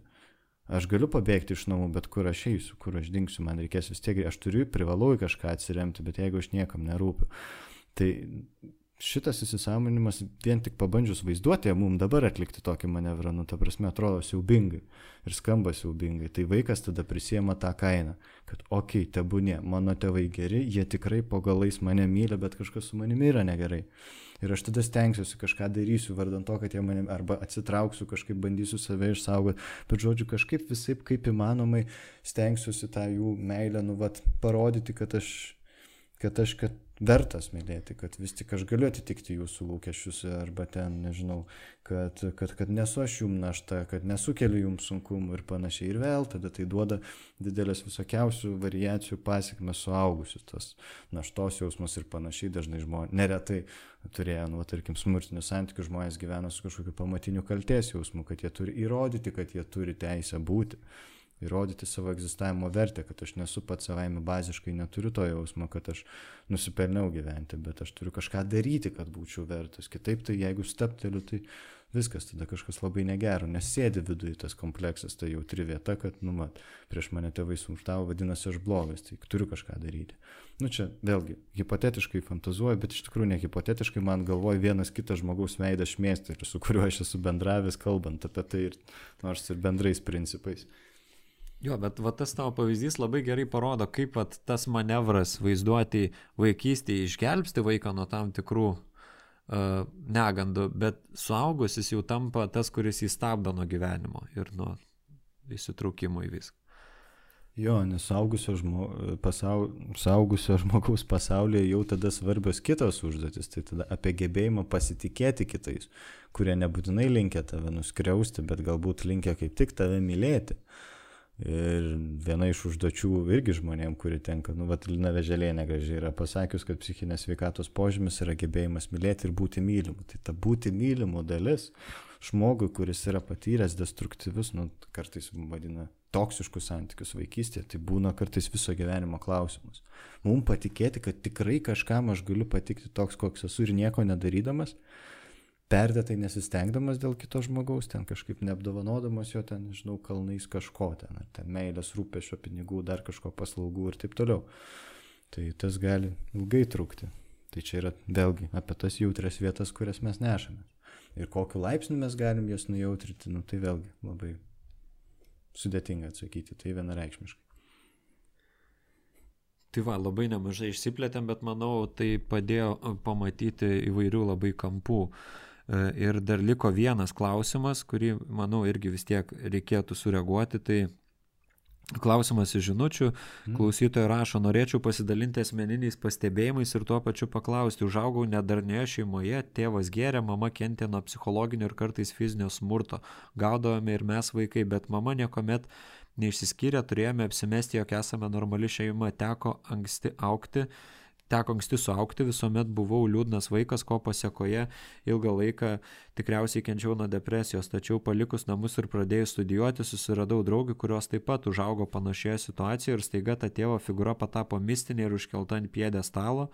Nežinia kodėl, bet tiek man, tiek mano draugiams tie mūsų gerintis tėvai patapo visuomenės nesuprastais didvyriais, o mamos liko kažkur nuo šalyje.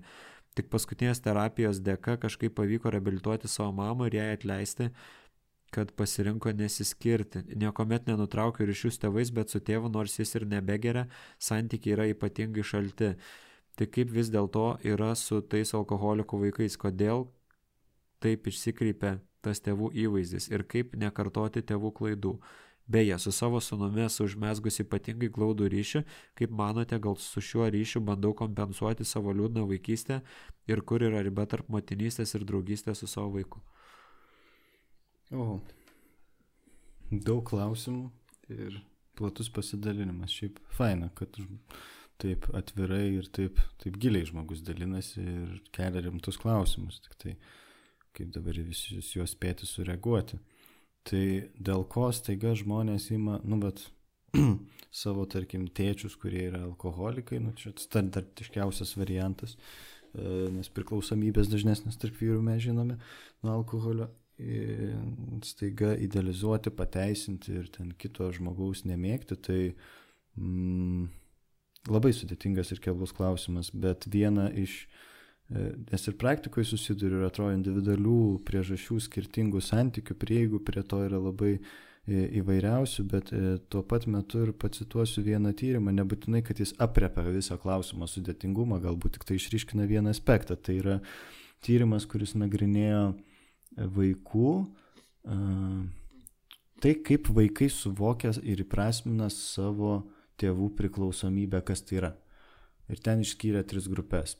Tai, tarkim, tėvo alkoholizmas yra priklausomybė, arba tėvo alkoholizmas yra jo tyčinis elgesys, arba tėvo alkoholizmas yra socialinis fenomenas nu vat, susitinki su žmonėm kitais ten draugais ir panašiai, tada išgerinėjai. Ir ten įdomiai tyrinėjo jų vėliau besiklostantį santykių su tėvu arba jų pačių santykių su priklausomybė. Tai įdomu tai, kad ką atrado tas tyrimas, tai kad tie žmonės, kurie savo tėvų nu, vat, alkoholizmą, kuris būtų vertintinas kaip jau priklausomybė nuo alkoholio, vertino ir suvokė kaip socialinį Mm, fenomeną, socialinį reiškinį, tiesiog su draugais susitinka, o tai nieko čia tokio. Tai jie patys buvo dažniausiai linkę tapti priklausomais nuo alkoholio.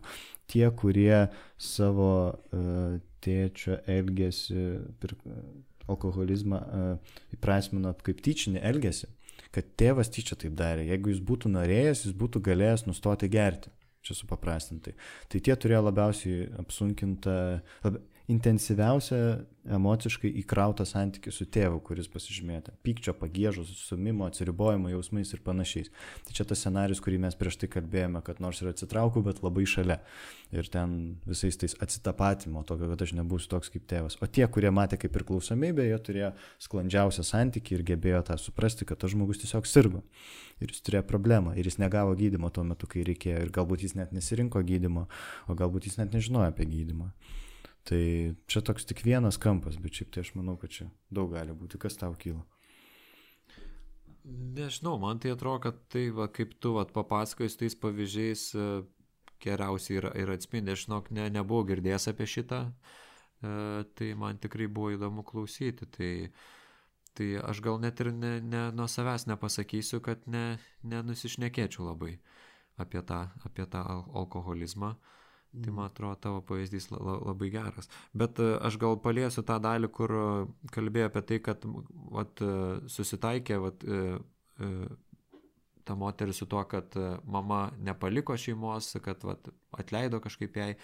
Tai nu, nėra lengva vat, palikti vat, tą šeimą ir kartai žmonėm, aš neskau, kad čia būtent taip yra tam pavyzdį, bet taip kartais matosi šeimose, kur įvyksta smurtas, ar tai fizinis, ar psichologinis, ar alkoholizmas, kad moteris tikrai dažnai lieka toje šeimoje, bet yra daug uh, sunkiau pripažinti kažkaip, kad galbūt uh, aš galiu būti atsakinga už savo gyvenimą ir vat, uh, rizikuoti patirti kažkokias negandas išsiskyrusi, negu uh, tada, kai esu kartu. Nu, tai ta prasme, mintis ta, kad e, daug lengviau išorę kaltinti, kad va, mano gyvenimas yra nelaimingas dėl, dėl vyro, kuris geria ar kuris smurtauja, bet ne dėl to, kad aš padariau kažkokį sprendimą. Nes va, palikti ir išsiskirti tai yra didelis sprendimas ir tai kartais su finansiniu saugumu siejasi, su, su būstu, su daug kažko ir kartais moteris pasirenka tiesiog likti tame tam, kad e, kažkokią bent jau minimalę gerovę vaikams suteiktų, vietoj to, kad rizikuotų susikurti savo gerovę. Čia, čia mano toks pamastymas. Jo, ir tai jeigu kalbant tada apie vaikystės, vat vaiko akimis tokį pasaulį, tai tada vėlgi gali būti labai skirtingos interpretacijos. Ir vėlgi tas tyrimas tik tai dar kartelį pailustruoja tą pačią mintį, kurią mes čia kartojame, bet tai, kad labai svarbu, kaip vaikas suvokia tas situacijas, interpretuoja tai jis gali, pavyzdžiui, matyti, uh, tarkim, suaugusi alkoholį, nu, tarkim, savo tėvo alkoholizmą matyti kaip lygą ir matyti, kad jis vargšas serga, bet tuo pat metu kaip lygą, kuri kankina visą šeimą ir kaip mama, kuri nepriema sprendimo sutvarkyti visos tos situacijos, nes jinai yra sveikas žmogus, tarsi šeimoje, vaiko akimis. Tai čia gali būti labai įvairiausių tokių uh, skirtingų subjektyvių, bet man atrodo vienas iš dalykų, kurį irgi galima paminėti apie tą, kodėl vat, vis tik ten tas kažkoks būna padėlis idealizuotą santykių su tėvais. Tai grįžtant prie tos minties, kad vaikui įsisamoninti savo tėvų kažkokį numat žmogiškumą, tebūnė tokia plačiausia prasme, gali kartais būti labai skaudus dalykas. Ir e, laikyti savo tėvus ne nesuprastais didvyriais, o tiesiog žmo, tokiais žmonėmis, kokie jie yra, kartais gali kainuoti labai didelį gedulą išgyvenimą. Ir tiesiog suprasti, kad mano tėvai tiesiog tokie. Ir jie gyveno tiesiog tokį gyvenimą. Ir jie negalėjo kitaip gyventi. Ir tą pamatyti kartais gali taip skaudėti. E, ta prasme, aš kalbu ir dalimnai ir iš savo patirties, bet didelė dalim iš klientų, žmonių, su kuriais dirbu, patirčių, kad nu, tas procesas dažnai būna labai skaudus. Matyti, bet ne, ne, ne tą kažkokį ten nuo šalyje, kaip vat, klausytojo rašo šitam klausimui, nuo šalyje paliktą didvirį, bet tiesiog kaip žmogų, kuris nu, vat, gyveno savo gyvenimą. Tai tas procesas tikrai kartais reikalauja beveik tokių pačių intensyvių jausmų, kaip gyvai palaidojama savo ten tėvo ar mamos. Turiu omeny palaidojimą tos fantazijos apie tai, kokį norėčiau, kad būtų, arba taip, kaip įsivaizduoju, kokie jie yra, bet nematymo iš tikrųjų to, kokie yra tėvai. Tai, o reaguojant į antrą klausimo dalį, nes ten klausytoja dar klausė ir apie tėvų klaidų kartojimą. Ir kad, kad, kad klausia, ar, ar aš bandau glaudžių ryšių su vaiku kompensuoti savo liūdną vaikystę. Tai čia ir yra vienas iš tų momentų ir dėl ko man atrodo svarbu mums šiandien kalbėti apie tą temą, kad neretai ne vieną kartą esu pastebėjęs ir literatūra psichologinė apie tai kalba, kad mes dažnai vat nešamės tos modelius ir kartai iš kartos kartuojam. Tarkim, pamodeliuosiu ir hipotetiškai, bet ir galvodamas apie vieną žmogų, tiesą sakant. Tarkim, žmogus yra, turi vaiką ir tam vaikui yra labai hiperglobėjiškas, tai yra apsaugusi nuo bet kokio sunkumo. O tas žmogus, tarkim, tebūnie mama, vaikystėje, kai jai būdavo sunku, sunkios situacijos, tėvų šalia nebūdavo, jis patyrė apleistumą, dėl to savo dabartinį vaiką labai stengiasi apsaugoti nuo bet kokio apleistumo patyrimo, nes jį pati yra patyrusi, kaip tai yra saugu, dėl to visą laiką būna šalia. Ir tam vaikui augant gali pasidaryti koktu nuo to hiperglobėjiškumo, jis gali priimti tai, kad visą laiką aš kaip akvariume jaučiu, jaučiuosi, ką bedaryčiau, mama visą laiką šalia ir visą laiką kontroliuoja ir visą laiką kišasi į mano gyvenimą. Tai dėl to aš suteiksiu savo laisvę savo vaikams laisvę. Nu, bet užauga tas žmogus, turi savo vaikų ir jiems jau suteikia laisvę. Nu, bet jūs galite patys daryti, ką norit, aš nesikišu jūsų gyvenimą ir panašiai. Ir tada tie vaikai išsineša apleistumo patirtį. Ir tada kitiem vaikams, savo jau vaikams, ta prasme, ir kartos iš karto ir keliauja toks ciklas. Nu, čia hipotetinis, bet jis tikrai realybėje galima tokių pavyzdžių rasti, nebūtinai su tokiu apleistumu ir globėjiškumu, bet kai mes neįsisamoniname savo poreikių, ir kas vyko su mumis, tie emociniai visokiausi dalykai, kuriuos mes nešamės iš vaikystės.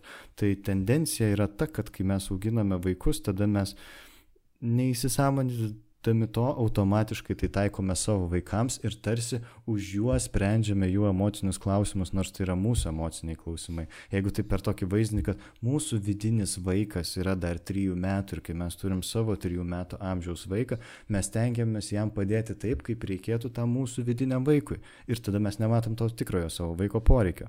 Ar jam to reikia ar nereikia, ar čia mes automatu reaguojam iš savo tokios tendencijos. Tai dėl to labai svarbus yra įsisamonimas. Atsakyti į klausytojas kelią kelia tą klaus, keliamą klausimą, ar čia būtinai kompensacija ir, ir, ir kame yra ta riba, tai yra tikrai labai sudėtinga, bet gali būti taip, kad tai nebūtinai yra apie vaiką, bet apie tokį savo žaizdos gydimą e, auginant e, jau savo vaikus. Jo, tikrai labai man patinka šiandien tavo pavyzdžiai, manau, jie labai bus nu, naudingi klausantiems, nes labai, man atrodo, nu, vaizdžiai nupasakojimai ir perteikia esmę. Uh, Tai jo svarbu įsisamoninti tos poreikius, bet e, kita vertus ir iš kitos pusės tai, uh, nu, tai rodo ir tą tokį sąmoningą suvokimą žmogaus, kad jisai vat, nepatyrė kažko ir jisai dabar bando bent jau užtikrinti nu, jausmą vaikui, kad jisai, nu, kad jisai patirtų tai, ko jam trūko. Tik klausimas, kokiu tai laipsniu vyksta ir kiek tai gali tapti tuo vat, helikopter parenting, kai jau per daug persistengiu, o kiek tai yra, nu, tiesiog labai adekvatus ir noras suteikti vaikui tos bazinius poreikius. Tai, ko jam reikia. Tai. Aš gal dar trumpai grįšiu, vat, biški nušoksiu kelias minutės atgal, vat, kur aš kalbėjau apie tas mamas, kurios vat, yra šiek tiek tos aukos pozicijų, kai tėvas geria ir kad jos renkasi likti vietoj to, kad neliktų. Tai aš neturiu meni, kad tas pasirinkimas labai sąmoningas, nes vat, kai mes suvokiam, kad mama va čia nepasirinko, galėjo pasirinkti, tai vat natūralu, kad kyla labai daug pykčio, kaip tu sakei, tada, kai jeigu tėvas galėtų pasirinkti negerti, bet jis įgėrė, tai mes tada žiauri pykstam tai jo tos aplinkybės, ko, ko, kokia, kokia ta šeima yra ir kaip viskas vyksta, na, atima galimybę labai blaiviai priimti tuos sprendimus ir kartais tie sprendimai renkamėsi, nu, ne taip laisvai, kaip mums gali atrodyti. Tai tiesiog, na, nu, turbūt su, supratai, ką norėjau pasakyti, kad, kad tai nėra visiškai sąmoningas sprendimas, kad tai labai daug persmelkia pati ta situacija ir, ir kaip ten viskas vyksta ir kad, kad e, pati ta aukos pozicija vat, daug nulėmė. Jo. Trumpai tariant, niekas čia nieko nekaltina, ne? Jo, jo. Gerai, žiūriu, kad mūsų, žinok, laiko jau labai daug praėjo epizodą, tai gal reikėtų įdėti į pabaigą. Ką norėtum Vitalijau dar pridurti ar apibendrinti? Nežinau, taip pat pagal tai, kad e, kiek mes čia užtrukom, panašu, kad te, tema didelė ir, ir tikrai mes visko neapkalbėjom. Man atrodo, labai padėjo tie klausimai konkretus paliesti, kai kuriuos aspektus ir tikiuosi, kad, kad žmonėms bus naudinga. Tikrai buvo labai šiandien tavęs įdomu klausyti, daug, daug, daug aš pats net vieną, vieną užsirašiau mintį, tai ką tu pasakėjai, tai vad. Ok, tai ką, tai tada judėsim link pabaigos, nes ir aš nesijaučiu turintis kažką pridurti dar daugiau. Tai tikrai pritariu tau, Vitalijau, kad klausimai klausytojų tikrai padėjo kažkaip, nu, galbūt gyvumo įgauti šitą mėsos, konkrečios, konkrečios patirties šitam podcast'ui. Ir kas yra faina, kad iš tikrųjų Patreonė neretai mes tokių gyvų klausimų susilaukiam savo klausimai, atsakymai epizodus ir jie būna irgi labai įdomus, dėl to, kas dar neparemė mūsų, labai raginu paremti. O dabar norisi labai padėkoti naujiems prisijungusiems remėjams, kurie paremė mūsų podcast'ą ir mūsų kūrybą. Tai ačiū, keliauja šiandien čia man kaip per Euroviziją beveik pasakiau, žinai, 12 points go to. Tai Vaidas Jurelevičius, Paulius Lurikienas, Arūnė, Lina Dovidaitė, Greta Kvietkauskaitė, Donata Šiaudvitytė, Indrė Benet, Karolina ir Marija Čiapukaitytė. Ačiū Jums, kad prisijungėte prie mūsų Patreon bendruomenės ir smagu matyti podcast'o remimą. Ačiū, kad klausėt. Pasakyk, ką nors pabaigai. Ačiū, kad klausot ir iki kitų susitikimų tada. Iki. Thank you